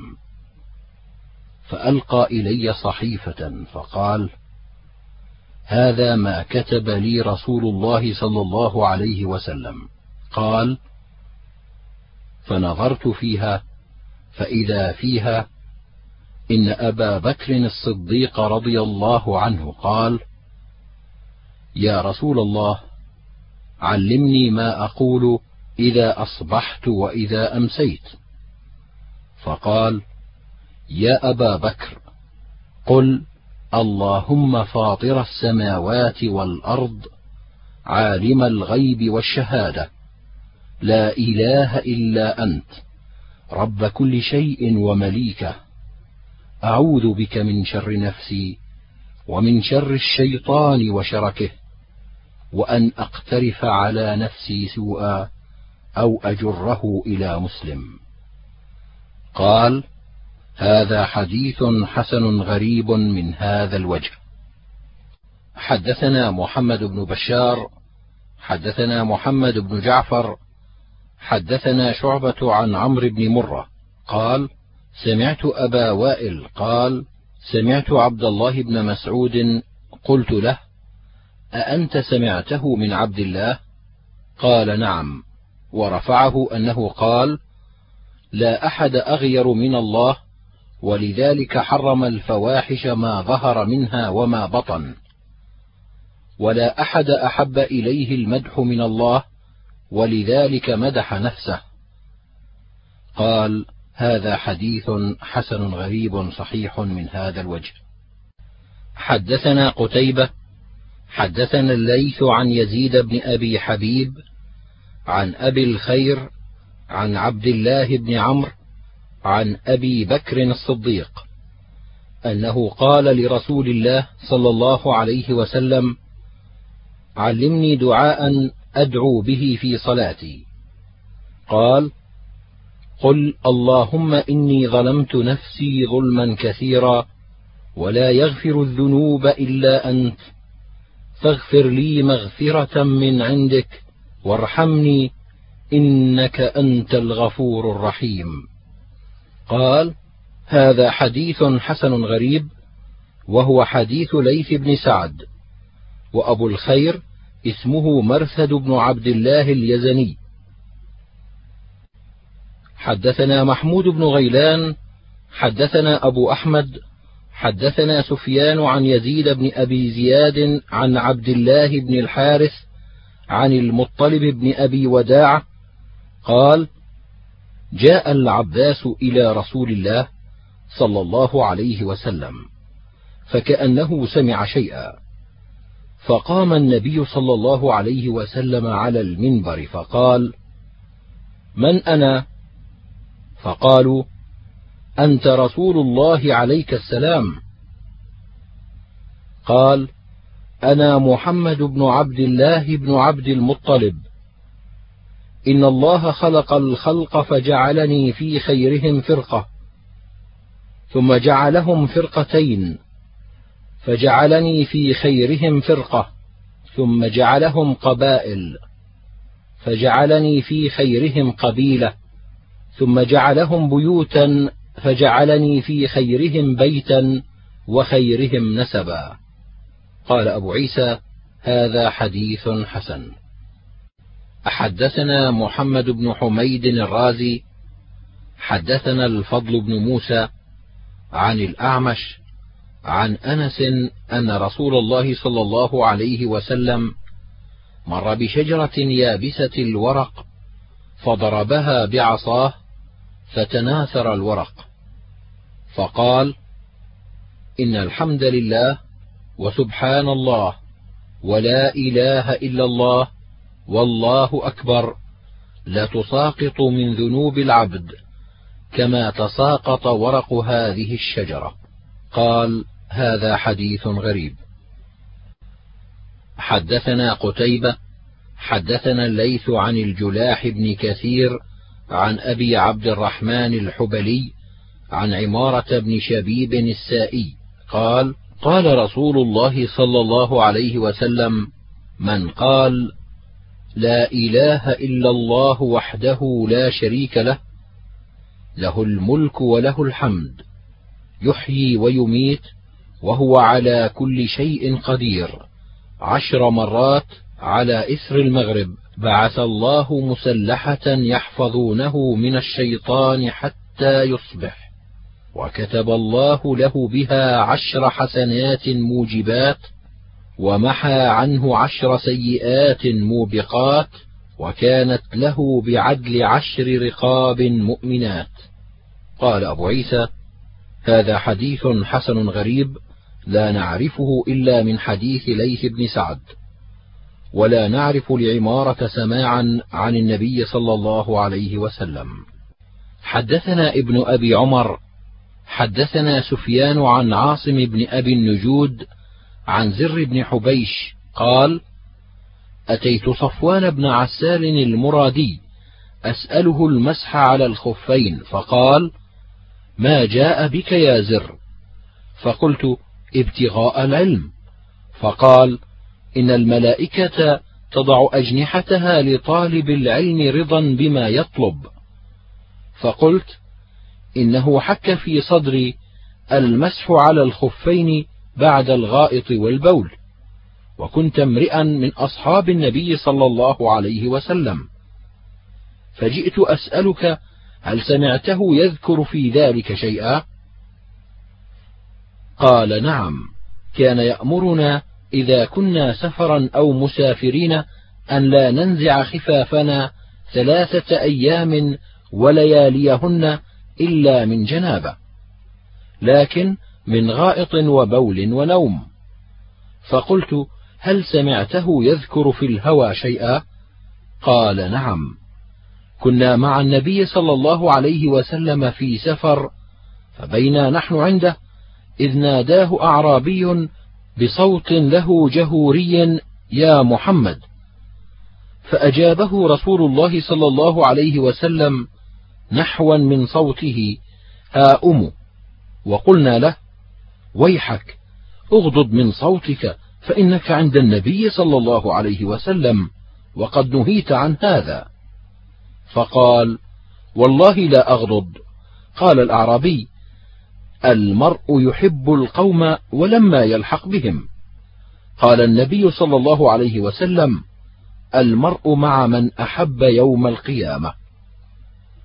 فما زال يحدثنا حتى ذكر بابا من قبل المغرب مسيرة سبعين عاما عرضه أو يسير الراكب في عرضه أربعين أو سبعين عاما.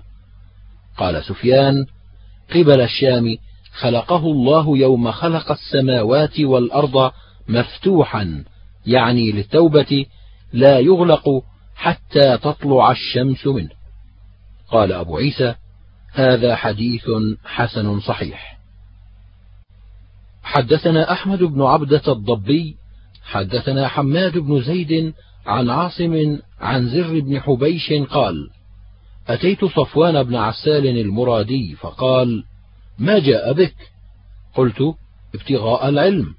قال بلغني أن الملائكة تضع أجنحتها لطالب العلم رضا بما يفعل. قال قلت إنه حاك أو قال حك في نفسي شيء من المسح على الخفين. فهل حفظت من رسول الله صلى الله عليه وسلم فيه شيئا؟ قال نعم. كنا إذا كنا في سفر أو مسافرين أمرنا أن لا نخلع خفافنا ثلاثا إلا من جنابة ولكن من غائط وبول ونوم. قال فقلت فهل حفظت من رسول الله صلى الله عليه وسلم في الهوى شيئا؟ قال نعم. كنا مع رسول الله صلى الله عليه وسلم في بعض أسفاره. فناداه رجل كان في آخر القوم بصوت جهوري أعرابي جلف جاف. فقال يا محمد يا محمد. فقال له القوم مه إنك قد نهيت عن هذا. فأجابه رسول الله صلى الله عليه وسلم نحوا من صوته هاؤم. فقال الرجل يحب القوم ولما يلحق بهم. قال فقال رسول الله صلى الله عليه وسلم المرء مع من أحب. قال زر فما برح يحدثني حتى حدثني أن الله جعل بالمغرب بابا عرضه مسيرة سبعين عاما للتوبة لا يغلق ما لم تطلع الشمس من قبله. وذلك قول الله عز وجل يوم يأتي بعض آيات ربك لا ينفع نفسا إيمانها. الآية. قال أبو عيسى هذا حديث حسن صحيح. حدثنا إبراهيم بن يعقوب حدثنا علي بن عياش حدثنا عبد الرحمن بن ثابت بن ثوبان عن أبيه عن مكحول عن جبير بن نفير عن ابن عمر عن النبي صلى الله عليه وسلم قال إن الله يقبل توبة العبد ما لم يغرغر. قال أبو عيسى هذا حديث حسن غريب. حدثنا محمد بن بشار حدثنا أبو عامر العقدي عن عبد الرحمن بهذا الإسناد نحوه. حدثنا قتيبة حدثنا المغيرة بن عبد الرحمن عن أبي الزناد عن الأعرج عن أبي هريرة قال: قال رسول الله صلى الله عليه وسلم: لله أفرح بتوبة أحدكم من أحدكم بضالته إذا وجدها. قال: وفي الباب عن ابن مسعود والنعمان بن بشير وأنس. قال: وهذا حديث حسن صحيح غريب من هذا الوجه من حديث أبي الزناد وقد روي هذا الحديث عن مكحول بإسناد له عن أبي ذر عن النبي صلى الله عليه وسلم نحو هذا. حدثنا قتيبة حدثنا الليث عن محمد بن قيس قاص عمر بن عبد العزيز عن أبي صرمة عن أبي أيوب أنه قال حين حضرته الوفاة قد كتمت عنكم شيئا. سمعت رسول الله صلى الله عليه وسلم يقول لولا أنكم تذنبون لخلق الله خلقا يذنبون ويغفر لهم. قال هذا حديث حسن غريب. وقد روي هذا عن محمد بن كعب عن أبي أيوب عن النبي صلى الله عليه وسلم نحوه. حدثنا بذلك قتيبة حدثنا عبد الرحمن بن أبي الزناد عن عمر مولى غفرة عن محمد بن كعب عن أبي أيوب عن النبي صلى الله عليه وسلم نحوه. حدثنا عبد الله بن إسحاق الجوهري البصري. حدثنا أبو عاصم. حدثنا كثير بن فائد. حدثنا سعيد بن عبيد قال سمعت بكر بن عبد الله المزني يقول حدثنا أنس بن مالك قال سمعت رسول الله صلى الله عليه وسلم يقول قال الله يا ابن آدم إنك ما دعوتني ورجوتني غفرت لك على ما كان فيك ولا أبالي. يا ابن آدم لو بلغت ذنوبك عنان السماء ثم استغفرتني غفرت لك ولا أبالي. يا ابن آدم إنك لو أتيتني بقراب الأرض خطايا ثم لقيتني لا تشرك بي شيئا. لأتيتك بقرابها مغفرة. قال أبو عيسى هذا حديث غريب لا نعرفه إلا من هذا الوجه. حدثنا قتيبة حدثنا عبد العزيز بن محمد عن العلاء بن عبد الرحمن عن أبيه عن أبي هريرة أن رسول الله صلى الله عليه وسلم قال خلق الله مئة رحمة فوضع رحمة واحدة بين خلقه يتراحمون بها وعند الله تسع وتسعون رحمة. قال أبو عيسى وفي الباب عن ابن سلمان وجندب بن عبد الله بن سفيان البجلي وهذا حديث حسن صحيح. حدثنا قتيبة حدثنا عبد العزيز بن محمد عن العلاء بن عبد الرحمن عن أبيه عن أبي هريرة أن رسول الله صلى الله عليه وسلم قال لو يعلم المؤمن ما عند الله من العقوبة ما طمع في الجنة أحد. ولو يعلم الكافر ما عند الله من الرحمة ما قنط من الجنة أحد. قال أبو عيسى هذا حديث حسن لا نعرفه إلا من حديث العلاء عن أبيه عن أبي هريرة. حدثنا قتيبة حدثنا الليث عن ابن عجلان عن أبيه عن أبي هريرة عن رسول الله صلى الله عليه وسلم. قال إن الله حين خلق الخلق كتب بيده على نفسه. إن رحمتي تغلب غضبي. قال أبو عيسى هذا حديث حسن صحيح غريب. حدثنا محمد بن عبد الله بن أبي الثلج رجل من أهل بغداد أبو عبد الله صاحب أحمد بن حنبل.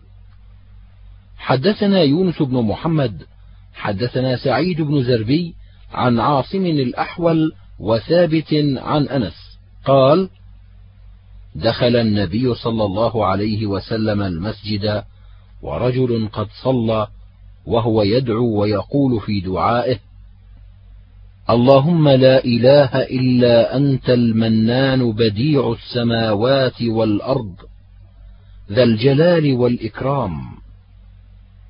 فقال النبي صلى الله عليه وسلم تدرون بما دعا الله؟ دعا الله باسمه الأعظم الذي إذا دعي به أجاب. وإذا سئل به أعطى. قال أبو عيسى هذا حديث غريب من حديث ثابت عن أنس وقد روي من غير هذا الوجه عن أنس. حدثنا أحمد بن إبراهيم الدورقي حدثنا ربعي بن إبراهيم عن عبد الرحمن بن إسحاق عن سعيد بن أبي سعيد عن أبي هريرة قال قال رسول الله صلى الله عليه وسلم رغم أنف رجل ذكرت عنده فلم يصل علي ورغم أنف رجل دخل عليه رمضان ثم انسلخ قبل أن يغفر له ورغم أنف رجل أدرك عنده أبواه الكبر فلم يدخلاه الجنة. قال عبد الرحمن وأظنه قال أو أحدهما. قال وفي الباب عن جابر وأنس. وهذا حديث حسن غريب من هذا الوجه. وربعي بن إبراهيم هو أخو إسماعيل بن إبراهيم وهو ثقة وهو ابن علي ويروى عن بعض أهل العلم قال إذا صلى الرجل على النبي صلى الله عليه وسلم مرة في المجلس أجزأ عنه ما كان في ذلك المجلس. حدثنا يحيى بن موسى وزياد بن أيوب قالا: حدثنا أبو عامر العقدي عن سليمان بن بلال عن عمارة بن غزية عن عبد الله بن علي بن حسين بن علي بن أبي طالب عن أبيه عن حسين بن علي بن أبي طالب قال قال رسول الله صلى الله عليه وسلم البخيل الذي من ذكرت عنده فلم يصل علي. قال أبو عيسى هذا حديث حسن صحيح غريب. حدثنا أحمد بن إبراهيم الدورقي حدثنا عمر بن حفص بن غياث حدثنا أبي عن الحسن بن عبيد الله عن عطاء بن السائب عن عبد الله بن أبي أوفى قال كان رسول الله صلى الله عليه وسلم يقول اللهم برد قلبي بالثلج والبرد والماء البارد. اللهم نق قلبي من الخطايا كما نقيت الثوب الأبيض من الدنس. قال أبو عيسى هذا حديث حسن صحيح غريب.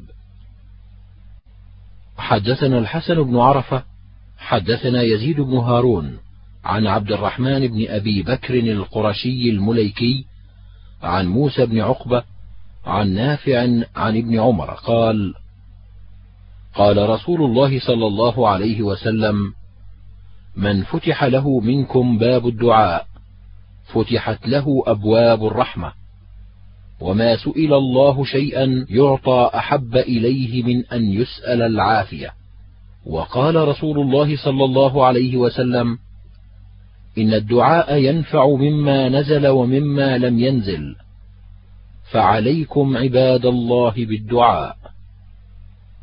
قال هذا حديث غريب لا نعرفه إلا من حديث عبد الرحمن بن أبي بكر القرشي وهو ضعيف في الحديث ضعفه بعض أهل العلم من قبل حفظه. وقد روى إسرائيل هذا الحديث عن عبد الرحمن بن أبي بكر عن موسى بن عقبة عن نافع عن ابن عمر عن النبي صلى الله عليه وسلم. قال ما سئل الله شيئا أحب إليه من العافية.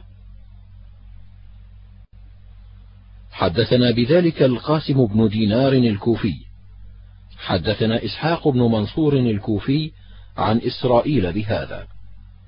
حدثنا أحمد بن منيع حدثنا أبو النضر حدثنا بكر بن خنيس عن محمد القرشي عن ربيعة بن يزيد عن أبي إدريس الخولاني عن بلال أن رسول الله صلى الله عليه وسلم قال: عليكم بقيام الليل فإنه دأب الصالحين قبلكم، وإن قيام الليل قربة إلى الله ومنهاة عن الإثم وتكفير للسيئات ومطردة للداء عن الجسد. قال أبو عيسى هذا حديث غريب لا نعرفه من حديث بلال إلا من هذا الوجه من قبل إسناده. قال سمعت محمد بن إسماعيل يقول محمد القرشي هو محمد بن سعيد الشامي وهو ابن أبي قيس وهو محمد بن حسان وقد ترك حديثه وقد روى هذا الحديث معاوية بن صالح عن ربيعة بن يزيد عن أبي إدريس الخولاني عن أبي أمامة عن رسول الله صلى الله عليه وسلم أنه قال: عليكم بقيام الليل فإنه دأب الصالحين قبلكم، وهو قربة إلى ربكم ومكفرة للسيئات ومنهاة للإثم. قال أبو عيسى وهذا أصح من حديث أبي إدريس عن بلال. حدثنا الحسن بن عرفة حدثنا عبد الرحمن بن محمد بن عمرو عن أبي سلمة عن أبي هريرة قال قال رسول الله صلى الله عليه وسلم أعمار أمتي ما بين ستين إلى سبعين وأقلهم من يجوز ذلك. قال أبو عيسى هذا حديث حسن غريب من حديث محمد بن عمرو عن أبي سلمة عن أبي هريرة عن النبي صلى الله عليه وسلم لا نعرفه إلا من هذا الوجه. وقد روي عن أبي هريرة من غير هذا الوجه. حدثنا محمود بن غيلان حدثنا أبو داود الحضري عن سفيان الثوري عن عمرو بن مرة عن عبد الله بن الحارث عن طليق بن قيس عن ابن عباس قال كان النبي صلى الله عليه وسلم يدعو يقول رب أعني ولا تعن علي وانصرني ولا تنصر علي وامكر لي ولا تمكر علي واهدني ويسر الهدى لي. وانصرني على من بغى علي. رب اجعلني لك شكارا لك ذكارا لك رهابا لك مطواعا لك مخبتا إليك أواها منيبا. رب تقبل توبتي واغسل حوبتي وأجب دعوتي وثبت حجتي وسدد لساني واهد قلبي. واسلل سخيمة صدري. قال أبو عيسى هذا حديث حسن صحيح. قال محمود بن غيلان وحدثنا محمد بن بشر العبدي عن سفيان هذا الحديث نحوه. حدثنا هناد حدثنا أبو الأحوص عن أبي حمزة عن إبراهيم عن الأسود عن عائشة قالت قال رسول الله صلى الله عليه وسلم من دعا على من ظلمه فقد انتصر قال هذا حديث غريب لا نعرفه إلا من حديث أبي حمزة وقد تكلم بعض أهل العلم في أبي حمزة وهو ميمون الأعور. حدثنا قتيبة حدثنا حميد بن عبد الرحمن الرؤاسي عن أبي الأحوص عن أبي حمزة بهذا الإسناد نحوه. حدثنا موسى بن عبد الرحمن الكندي الكوفي حدثنا يزيد بن حباب قال وأخبرني سفيان الثوري عن محمد بن عبد الرحمن بن أبي ليلى عن الشعبي عن عبد الرحمن بن أبي ليلى عن أبي أيوب الأنصاري قال قال رسول الله صلى الله عليه وسلم من قال عشر مرات لا إله إلا الله وحده لا شريك له له الملك وله الحمد يحيي ويميت وهو على كل شيء قدير كانت له عدل أربع رقاب من ولد إسماعيل. قال وقد روي هذا الحديث عن أبي أيوب موقوفا. حدثنا محمد بن بشار حدثنا عبد الصمد بن عبد الوارث. حدثنا هاشم وهو ابن سعيد الكوفي. حدثني كنانة مولى صفية قال سمعت صفية تقول دخل علي رسول الله صلى الله عليه وسلم وبين يدي أربعة آلاف نواة أسبح بها. فقلت لقد سبحت بهذه. فقال ألا أعلمك بأكثر مما سبحت؟ فقلت علمني. فقال قولي سبحان الله عدد خلقه. قال أبو عيسى هذا حديث غريب لا نعرفه من حديث صفية إلا من هذا الوجه من حديث هاشم بن سعيد الكوفي وليس إسناده بمعروف. وفي الباب عن ابن عباس. حدثنا محمد بن بشار حدثنا محمد بن جعفر عن شعبة عن محمد بن عبد الرحمن. قال سمعت كريبا يحدث عن ابن عباس عن جويرية بنت الحارث أن النبي صلى الله عليه وسلم مر عليها وهي في مسجد ثم مر النبي صلى الله عليه وسلم بها قريبا من نصف النهار فقال لها ما زلت على حالك؟ فقالت نعم. قال ألا أعلمك كلمات تقولينها؟ سبحان الله عدد خلقه. سبحان الله عدد خلقه. سبحان الله عدد خلقه. سبحان الله رضا نفسه. سبحان الله رضا نفسه. سبحان الله رضا نفسه. سبحان الله زنة عرشه. سبحان الله زنة عرشه سبحان الله زنة عرشه سبحان الله مداد كلماته سبحان الله مداد كلماته سبحان الله مداد كلماته قال ابو عيسى هذا حديث حسن صحيح ومحمد بن عبد الرحمن هو مولى آل طلحة وهو شيخ مدني ثقة وقد روى عنه المسعودي وسفيان الثوري هذا الحديث. حدثنا محمد بن بشار حدثنا ابن أبي عدي قال أنبأنا جعفر بن ميمون صاحب الأنماط عن أبي عثمان النهدي عن سلمان الفارسي عن النبي صلى الله عليه وسلم قال إن الله حيي كريم يستحي إذا رفع الرجل إليه يديه أن يردهما صفرا خائبتين. قال أبو عيسى هذا حديث حسن غريب وروى بعضهم ولم يرفعه.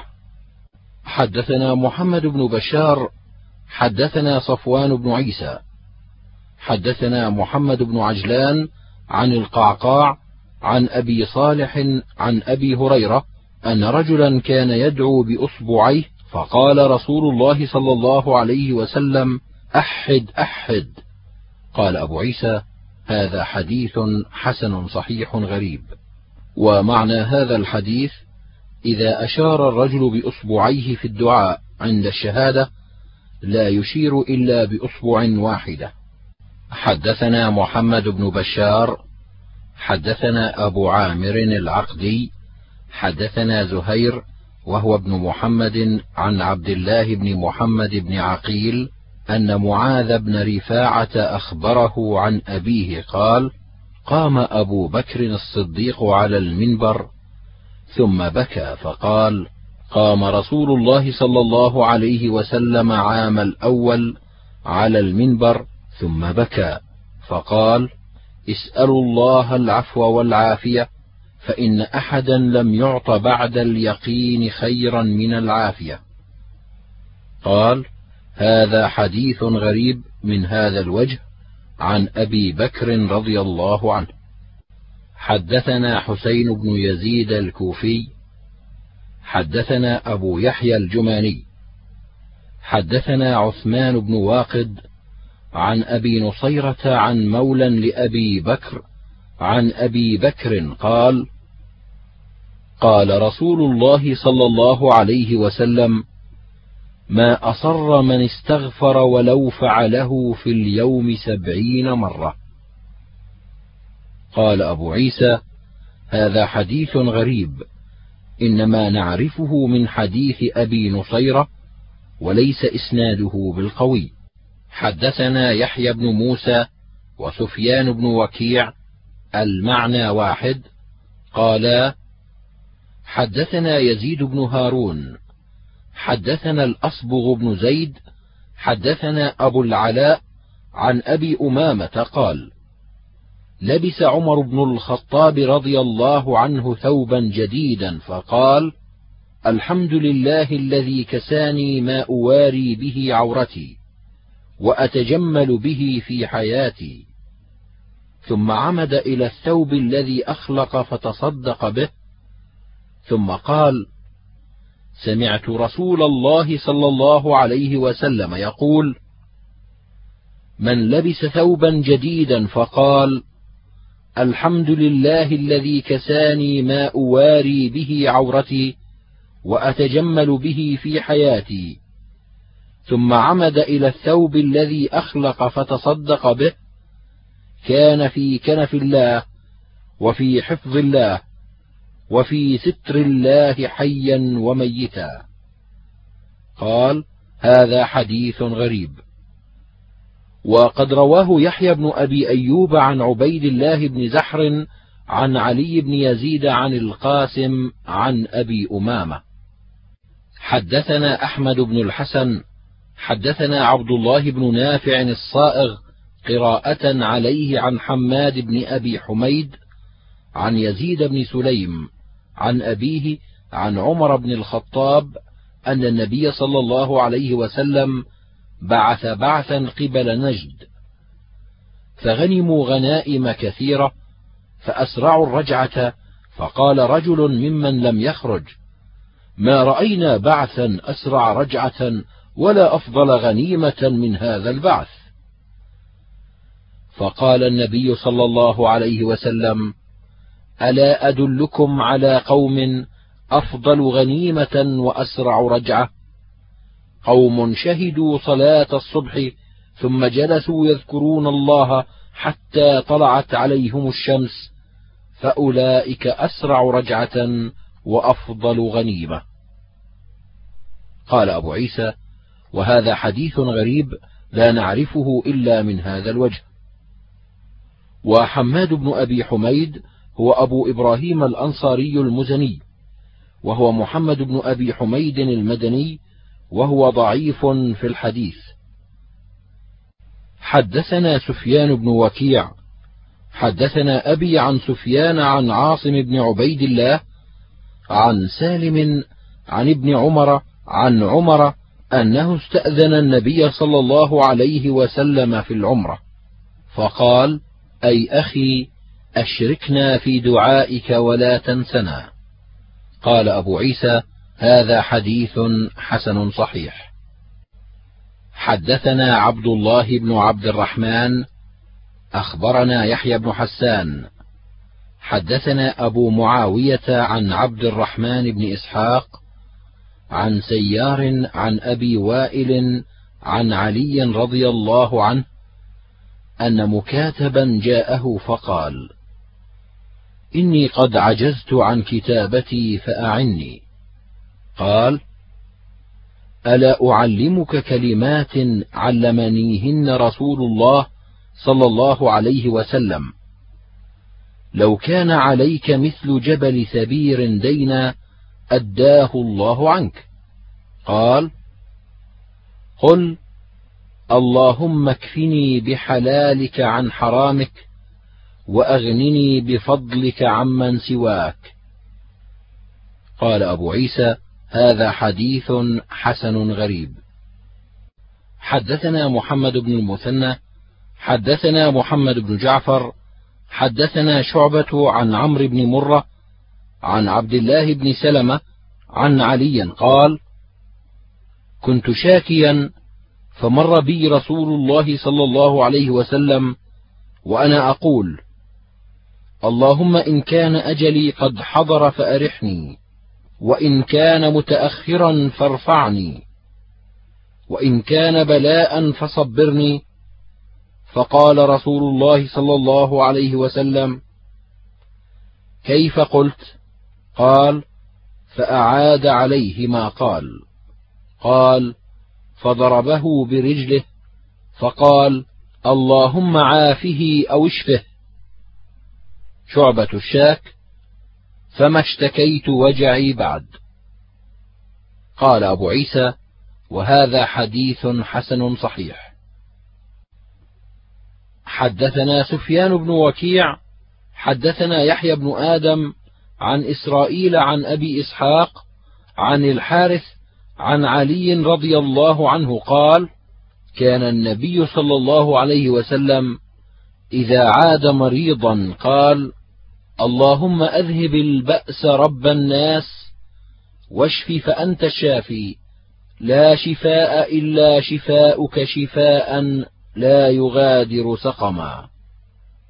قال هذا حديث حسن. حدثنا أحمد بن منيع حدثنا يزيد بن هارون.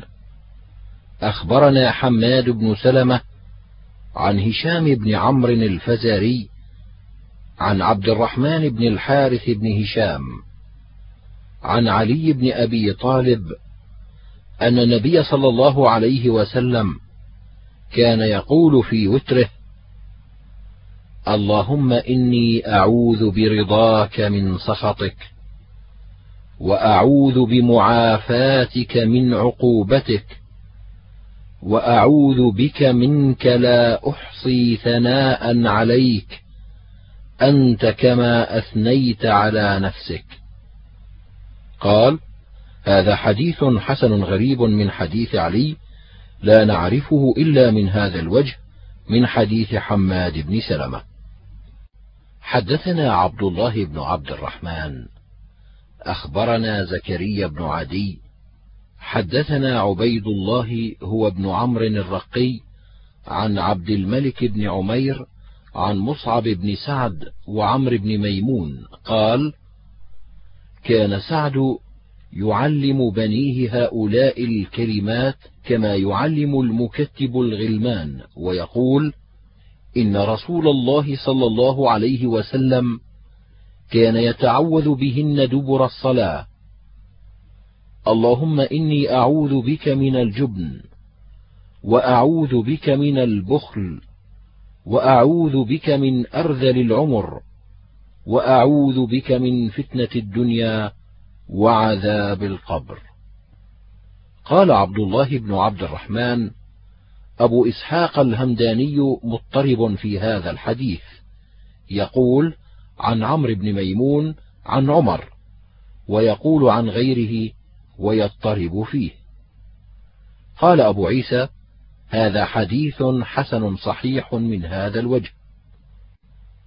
حدثنا أحمد بن الحسن حدثنا أصبغ بن الفرج أخبرني عبد الله بن وهب عن عمرو بن الحارث أنه أخبره عن سعيد بن أبي هلال عن خزيمة عن عائشة بنت سعد بن أبي وقاص عن أبيها أنه دخل مع رسول الله صلى الله عليه وسلم على امرأة وبين يديها نوى أو قال حصى تسبح به فقال ألا أخبرك بما هو أيسر عليك من هذا أو أفضل؟ سبحان الله عدد ما خلق في السماء وسبحان الله عدد ما خلق في الأرض وسبحان الله عدد ما بين ذلك وسبحان الله عدد ما هو خالق والله أكبر مثل ذلك والحمد لله مثل ذلك ولا حول ولا قوة إلا بالله مثل ذلك. قال وهذا حديث حسن غريب من حديث سعد. حدثنا سفيان بن وكيع حدثنا عبد الله بن نمير وزيد بن ذباب عن موسى بن عبيدة عن محمد بن ثابت عن أبي حكيم خطمي مولى الزبير عن الزبير بن العوام قال قال رسول الله صلى الله عليه وسلم ما من صباح يصبح العباد فيه إلا ومناد ينادي سبحان الملك القدوس. قال أبو عيسى وهذا حديث غريب. حدثنا أحمد بن الحسن حدثنا سليمان بن عبد الرحمن الدمشقي. حدثنا الوليد بن مسلم حدثنا ابن جريج عن عطاء بن أبي رباح وعكرمة مولى ابن عباس عن ابن عباس أنه قال بينما نحن عند رسول الله صلى الله عليه وسلم إذ جاءه علي بن أبي طالب فقال بأبي أنت وأمي. تفلت هذا القرآن من صدري فما أجدني أقدر عليه. فقال رسول الله صلى الله عليه وسلم يا أبا الحسن أفلا أعلمك كلمات ينفعك الله بهن وينفع بهن من علمته ويثبت ما تعلمت في صدرك؟ قال أجل يا رسول الله فعلمني. قال إذا كان ليلة الجمعة فإن استطعت أن تقوم في ثلث الليل الآخر فإنها ساعة مشهودة والدعاء فيها مستجاب. وقد قال أخي يعقوب لبنيه سوف أستغفر لكم ربي. يقول حتى تأتي ليلة الجمعة فإن لم تستطع فقم في وسطها فإن لم تستطع فقم في أولها. فصل أربع ركعات تقرأ في الركعة الأولى بفاتحة الكتاب وسورة ياسين. وفي الركعة الثانية بفاتحة الكتاب وحاميم الدخان. وفي الركعة الثالثة بفاتحة الكتاب وألف لام ميم تنزيل السجدة. وفي الركعة الرابعة بفاتحة الكتاب وتبارك المفصل. فإذا فرغت من التشهد فاحمد الله وأحسن الثناء على الله. وصل علي وأحسن. وعلى سائر النبيين واستغفر للمؤمنين والمؤمنات ولإخوانك الذين سبقوك بالإيمان. ثم قل في آخر ذلك اللهم ارحمني بترك المعاصي ابدا ما أبقيتني. وارحمني أن أتكلف ما لا يعنيني. وارزقني حسن النظر فيما يرضيك عني. اللهم بديع السماوات والأرض ذا الجلال والإكرام والعزة التي لا ترام. أسألك يا الله يا رحمن بجلالك ونور وجهك أن تلزم قلبي حفظ كتابك كما علمتني. وارزقني أن أتلوه على النحو الذي يرضيك عني. اللهم بديع السماوات والأرض ذا الجلال والإكرام والعزة التي لا ترام. أسألك يا الله يا رحمن بجلالك ونور وجهك أن تنور بكتابك بصري. وأن تطلق به لساني وأن تفرج به عن قلبي وأن تشرح به صدري وأن تعمل به بدني لأنه لا يعينني على الحق غيرك ولا يؤتيه إلا أنت ولا حول ولا قوة إلا بالله العلي العظيم. يا أبا الحسن فافعل ذلك ثلاث جمع أو خمس أو سبع يجاب بإذن الله. والذي بعثني بالحق ما أخطأ مؤمنا قط. قال عبد الله بن عباس فوالله ما لبث علي إلا خمسا أو سبعا حتى جاء علي رسول الله صلى الله عليه وسلم في مثل ذلك المجلس. فقال يا رسول الله إني كنت فيما خلا لا آخذ إلا أربع آيات أو نحوهن. وإذا قرأتهن على نفسي تفلتن وأنا أتعلم اليوم أربعين آية أو نحوها. وإذا قرأتها على نفسي فكأنما كتاب الله بين عيني. ولقد كنت أسمع الحديث فإذا رددته تفلت. وأنا اليوم أسمع الأحاديث فإذا تحدثت بها لم أخرم منها حرفا. فقال له رسول الله صلى الله عليه وسلم عند ذلك مؤمن ورب الكعبة يا أبا الحسن. قال أبو عيسى هذا حديث حسن غريب لا نعرفه إلا من حديث الوليد بن مسلم. حدثنا بشر بن معاذ العقدي البصري حدثنا حماد بن واقد عن إسرائيل عن أبي إسحاق عن أبي الأحوص عن عبد الله قال قال رسول الله صلى الله عليه وسلم سلوا الله من فضله فإن الله عز وجل يحب أن يسأل وأفضل العبادة انتظار الفرج.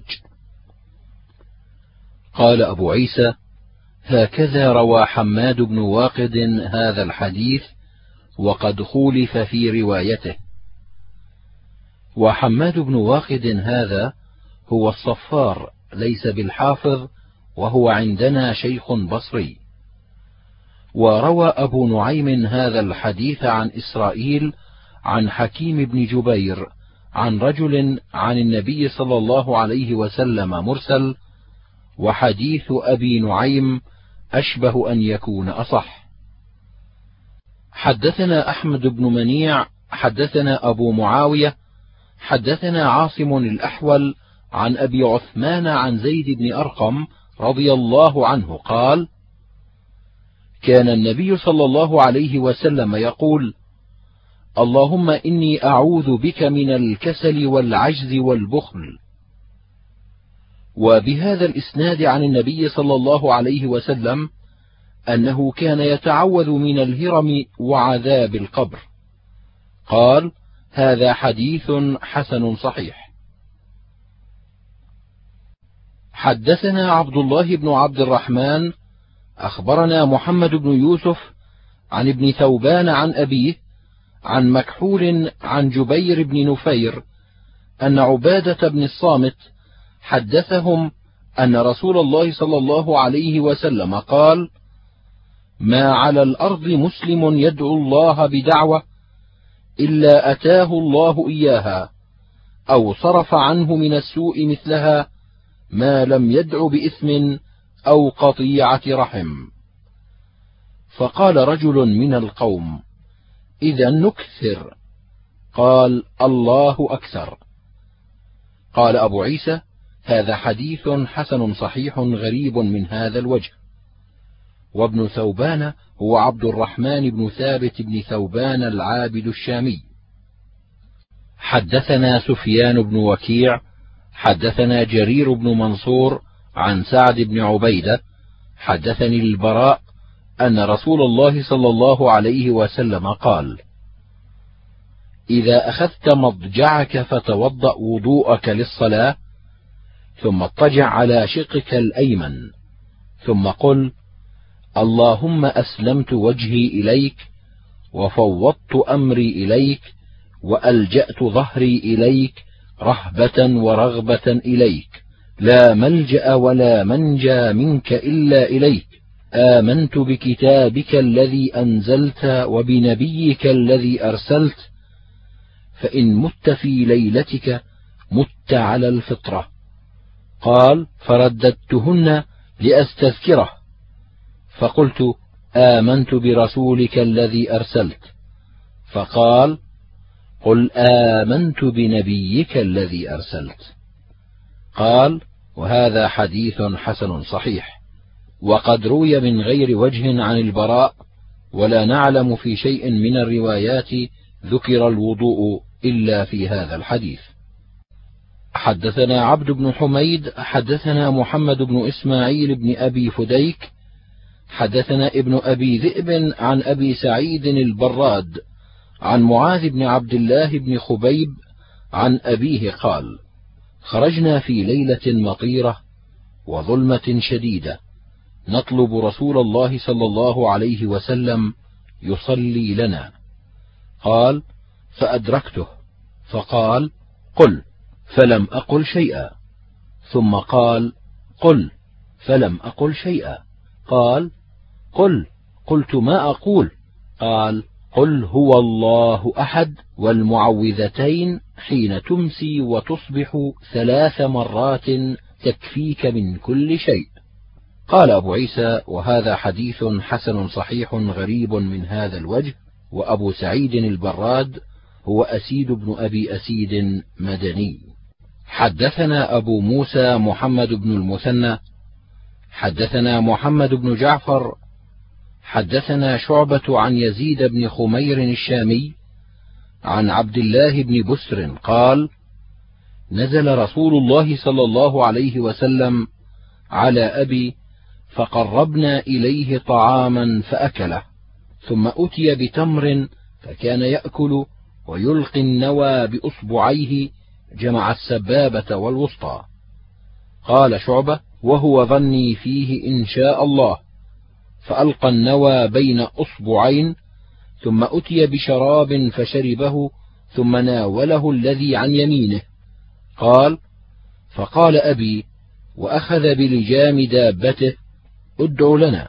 فقال اللهم بارك لهم فيما رزقتهم واغفر لهم وارحمهم. قال هذا حديث حسن صحيح وقد روي من غير هذا الوجه عن عبد الله بن بسر. حدثنا محمد بن إسماعيل حدثنا موسى بن إسماعيل حدثنا حفص بن عمر الشني حدثني أبي عمر بن مرة قال سمعت بلال بن يسار بن زيد مولى النبي صلى الله عليه وسلم. حدثني أبي عن جدي سمع النبي صلى الله عليه وسلم يقول من قال أستغفر الله العظيم الذي لا إله إلا هو الحي القيوم وأتوب إليه غفر له وإن كان فر من الزحف. قال أبو عيسى هذا حديث غريب لا نعرفه إلا من هذا الوجه. حدثنا محمود بن غيلان حدثنا عثمان بن عمر حدثنا شعبة عن أبي جعفر عن عمارة بن خزيمة بن ثابت عن عثمان بن حنيف أن رجلا ضرير البصر أتى النبي صلى الله عليه وسلم فقال أدعو الله أن يعافيني. قال إن شئت دعوت وإن شئت صبرت فهو خير لك. قال فادعه. قال فأمره أن يتوضأ فيحسن وضوءه ويدعو بهذا الدعاء. اللهم إني أسألك وأتوجه إليك بنبيك محمد نبي الرحمة. إني توجهت بك إلى ربي في حاجتي هذه لتقضى لي. اللهم فشفعه في. قال هذا حديث حسن صحيح غريب لا نعرفه إلا من هذا الوجه. من حديث أبي جعفر وهو الخطمي وعثمان بن حنيف هو أخو سهل بن حنيف. حدثنا عبد الله بن عبد الرحمن أخبرنا إسحاق بن عيسى حدثني معا حدثني معاوية بن صالح عن ضمرة بن حبيب قال سمعت أبا أمامة رضي الله عنه يقول حدثني عمرو بن عبسة أنه سمع النبي صلى الله عليه وسلم يقول أقرب ما يكون الرب من العبد في جوف الليل الآخر فإن استطعت أن تكون ممن يذكر الله في تلك الساعة فكن. قال هذا حديث حسن صحيح غريب من هذا الوجه. حدثنا أبو الوليد الدمشقي أحمد بن عبد الرحمن بن بكار حدثنا الوليد بن مسلم حدثنا عفير بن معدان أنه سمع أبا دوس اليحصبي يحدث عن ابن عائذ اليحصبي عن عمارة بن زعكرة قال سمعت رسول الله صلى الله عليه وسلم يقول إن الله عز وجل يقول إن عبدي كل عبدي الذي يذكرني وهو ملاق قرنه يعني عند القتال. قال هذا حديث غريب لا نعرفه إلا من هذا الوجه ليس إسناده بالقوي ولا نعرف لعمارة بن زعكرة عن النبي صلى الله عليه وسلم إلا هذا الحديث الواحد. ومعنى قوله وهو ملاق قرنة إنما يعني عند القتال يعني أن يذكر الله في تلك الساعة. حدثنا أبو موسى محمد بن المثنى حدثنا وهب بن جرير حدثنا أبي قال سمعت منصور بن زاذان يحدث عن ميمون بن أبي شبيب عن قيس بن سعد بن عبادة أن أباه دفعه إلى النبي صلى الله عليه وسلم يخدمه قال فمر بي النبي صلى الله عليه وسلم وقد صليت فضربني برجله وقال ألا أدلك على باب من أبواب الجنة؟ قلت بلى. قال لا حول ولا قوة إلا بالله. قال أبو عيسى هذا حديث صحيح غريب من هذا الوجه.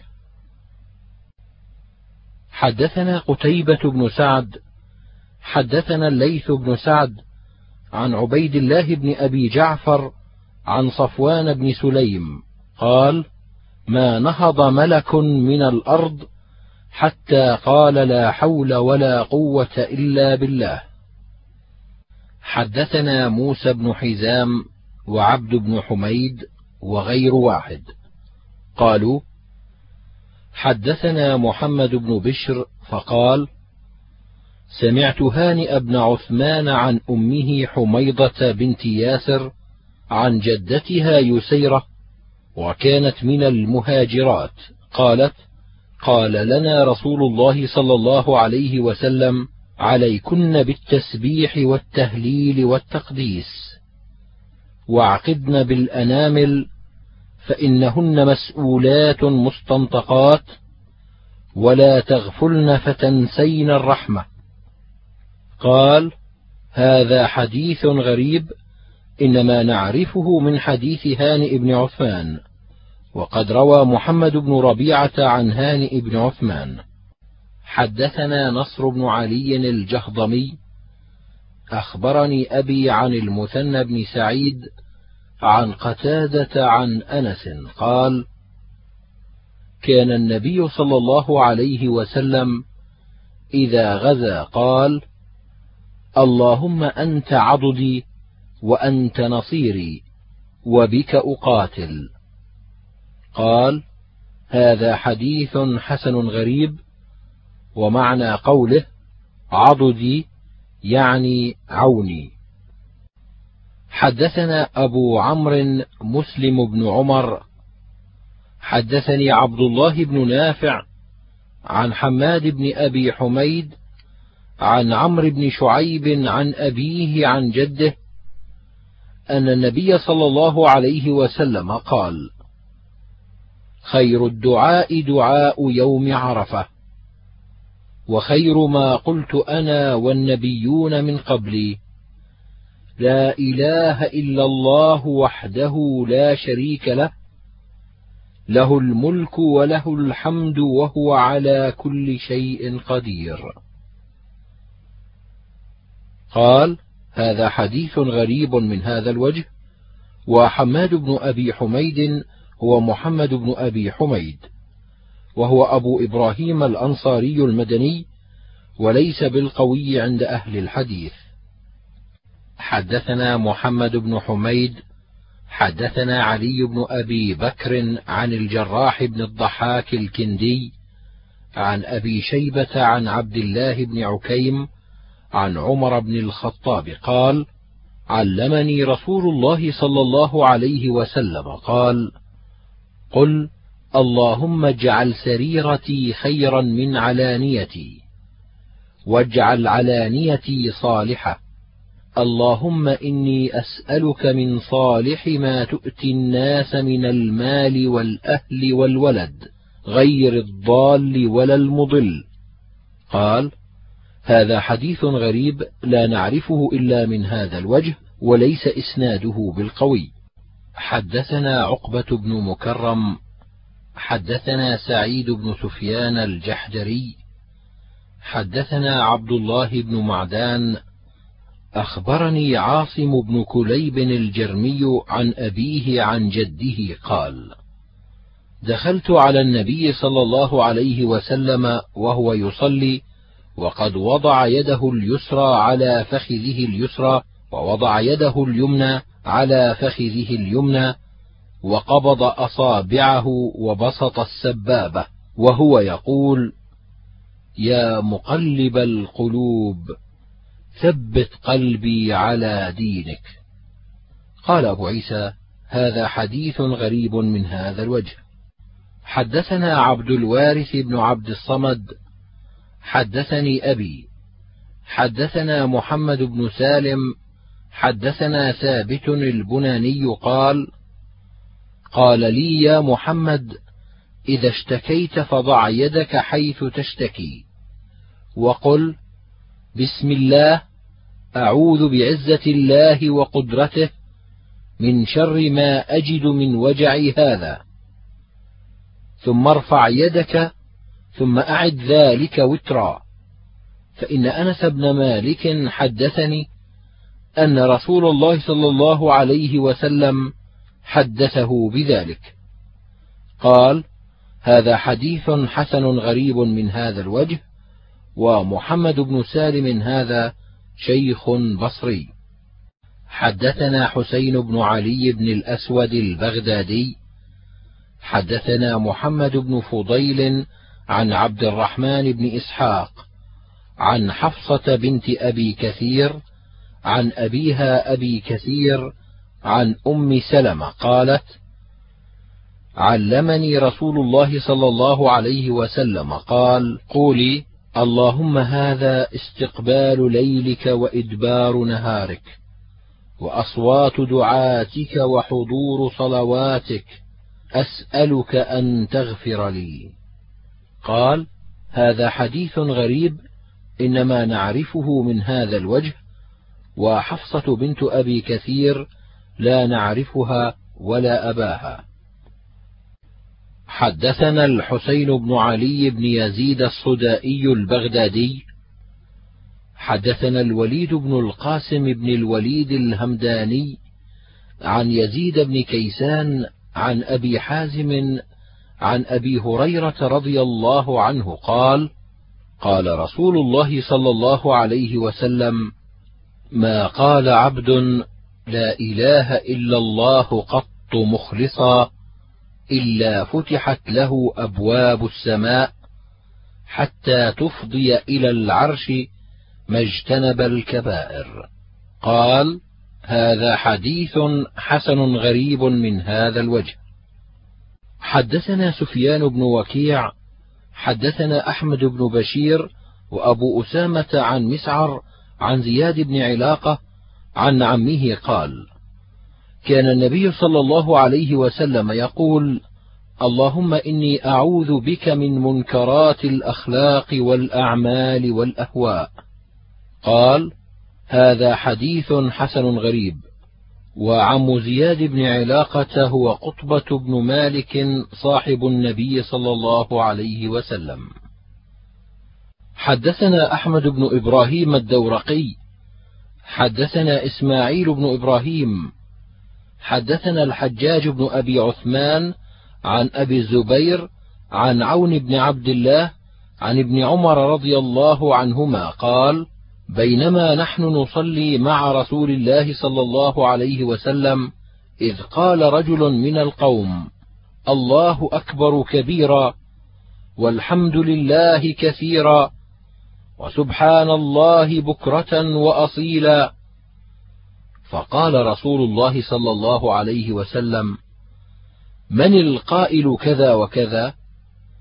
فقال رجل من القوم أنا يا رسول الله.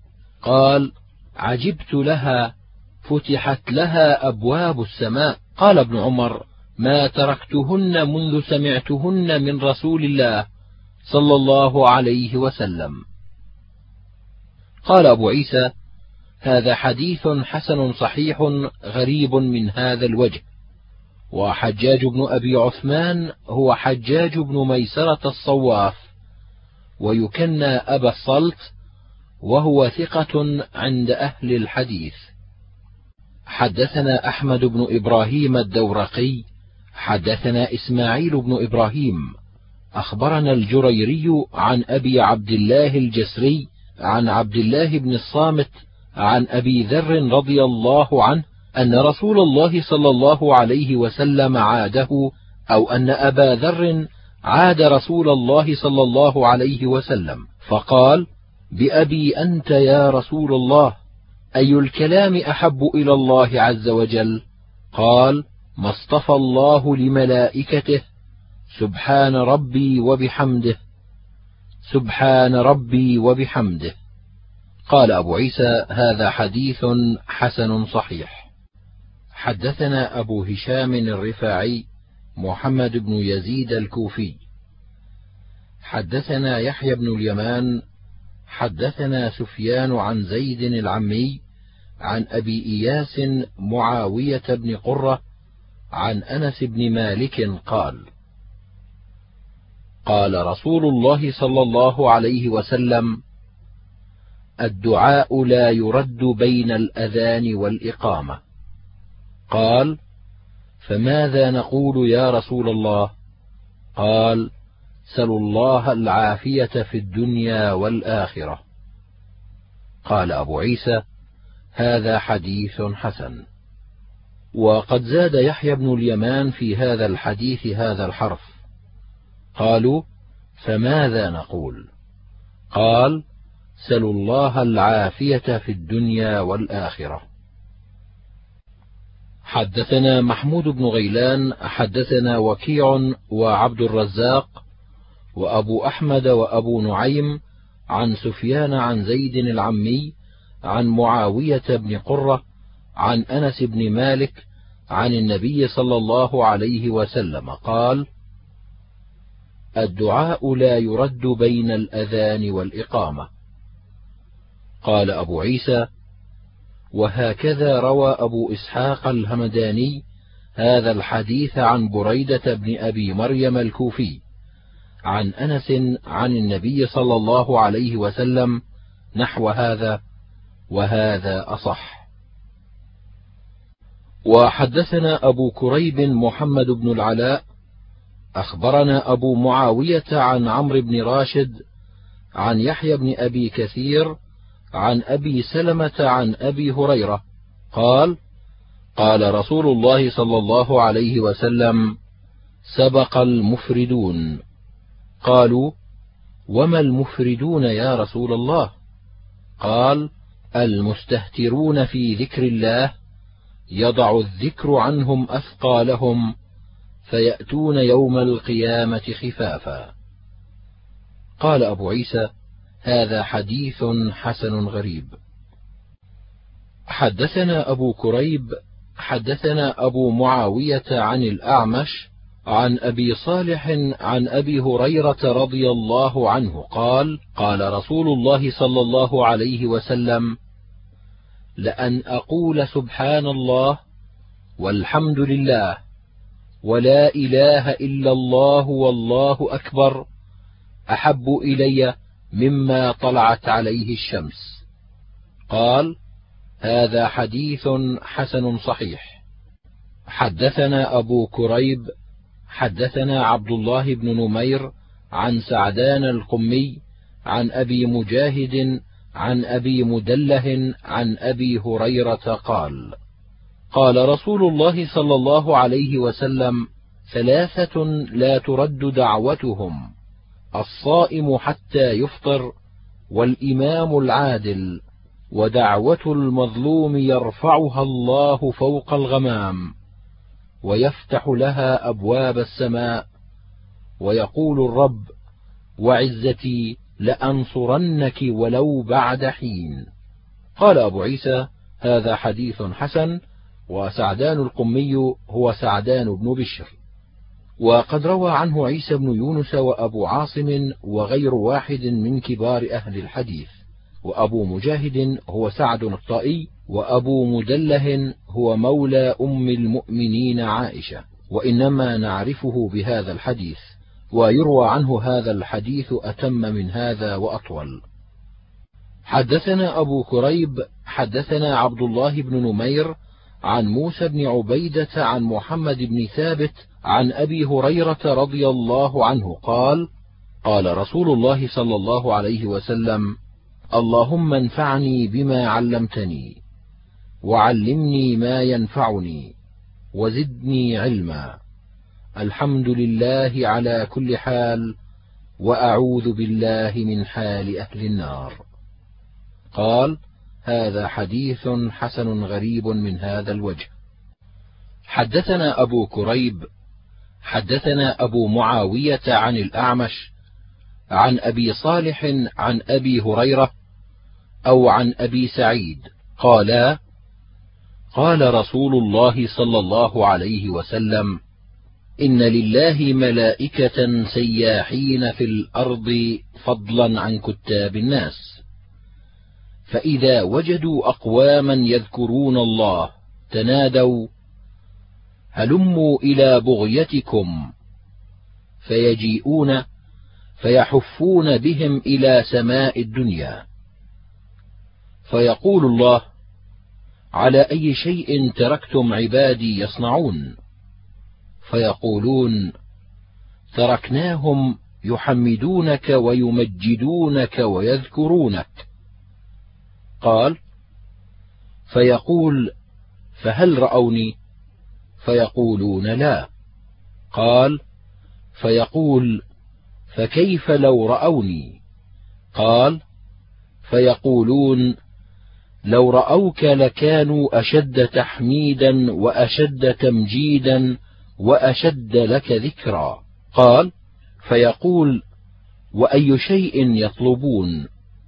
قال فيقولون يطلبون الجنة. قال فيقول وهل رأوها؟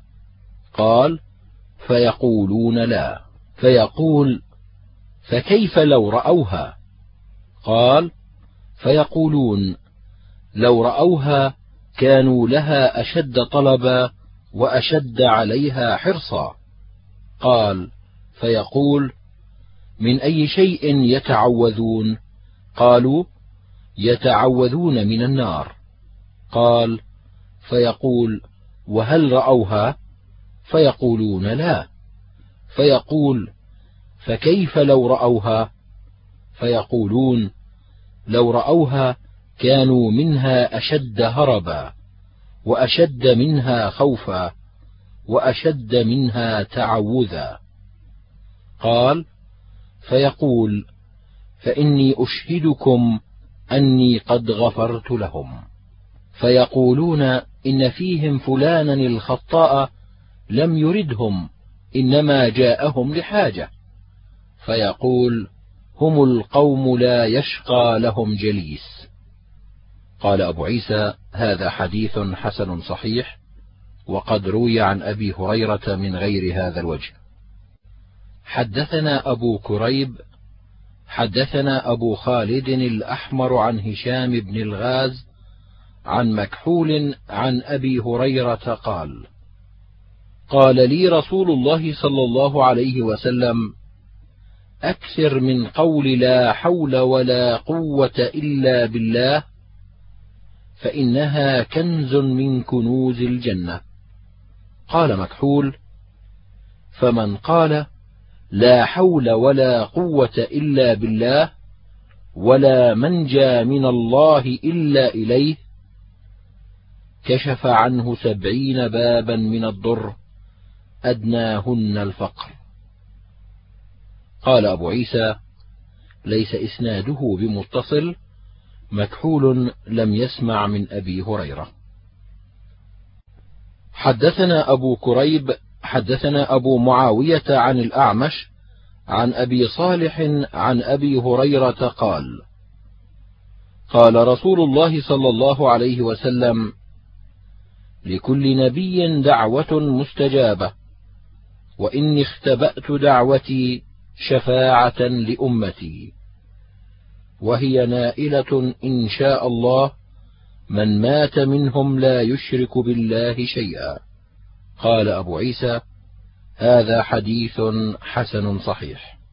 حدثنا أبو كريب حدثنا ابن نمير وأبو معاوية عن الأعمش عن أبي صالح عن أبي هريرة قال قال رسول الله صلى الله عليه وسلم يقول الله عز وجل أنا عند ظن عبدي بي وأنا معه حين يذكرني فإن ذكرني في نفسه ذكرته في نفسي. وإن ذكرني في ملأ ذكرته في ملأ خير منهم. وإن اقترب إلي شبرا اقتربت منه ذراعا. وإن اقترب إلي ذراعا اقتربت إليه باعا. وإن أتاني يمشي أتيته هرولة. قال أبو عيسى هذا حديث حسن صحيح. ويروى عن الأعمش في تفسير هذا الحديث من تقرب مني شبرا تقربت منه ذراعا. يعني بالمغفرة والرحمة. وهكذا فسر بعض أهل العلم هذا الحديث. قالوا إنما معناه يقول إذا تقرب إلي العبد بطاعتي وما أمرت أسرع إليه بمغفرتي ورحمتي. وروي عن سعيد بن جبير أنه قال في هذه الآية أذكروني أذكركم. قال اذكروني بطاعتي أذكركم بمغفرتي. حدثنا عبد بن حميد قال حدثنا الحسن بن موسى وعمرو بن هاشم الرملي عن ابن لهيعة عن عطاء بن يسار عن سعيد بن جبير بهذا. حدثنا أبو كريب حدثنا أبو معاوية عن الأعمش عن أبي صالح عن أبي هريرة قال قال رسول الله صلى الله عليه وسلم استعيذوا بالله من عذاب جهنم. استعيذوا بالله من عذاب القبر. استعيذوا بالله من فتنة المسيح الدجال. واستعيذوا بالله من فتنة المحيا والممات. قال أبو عيسى هذا حديث حسن صحيح.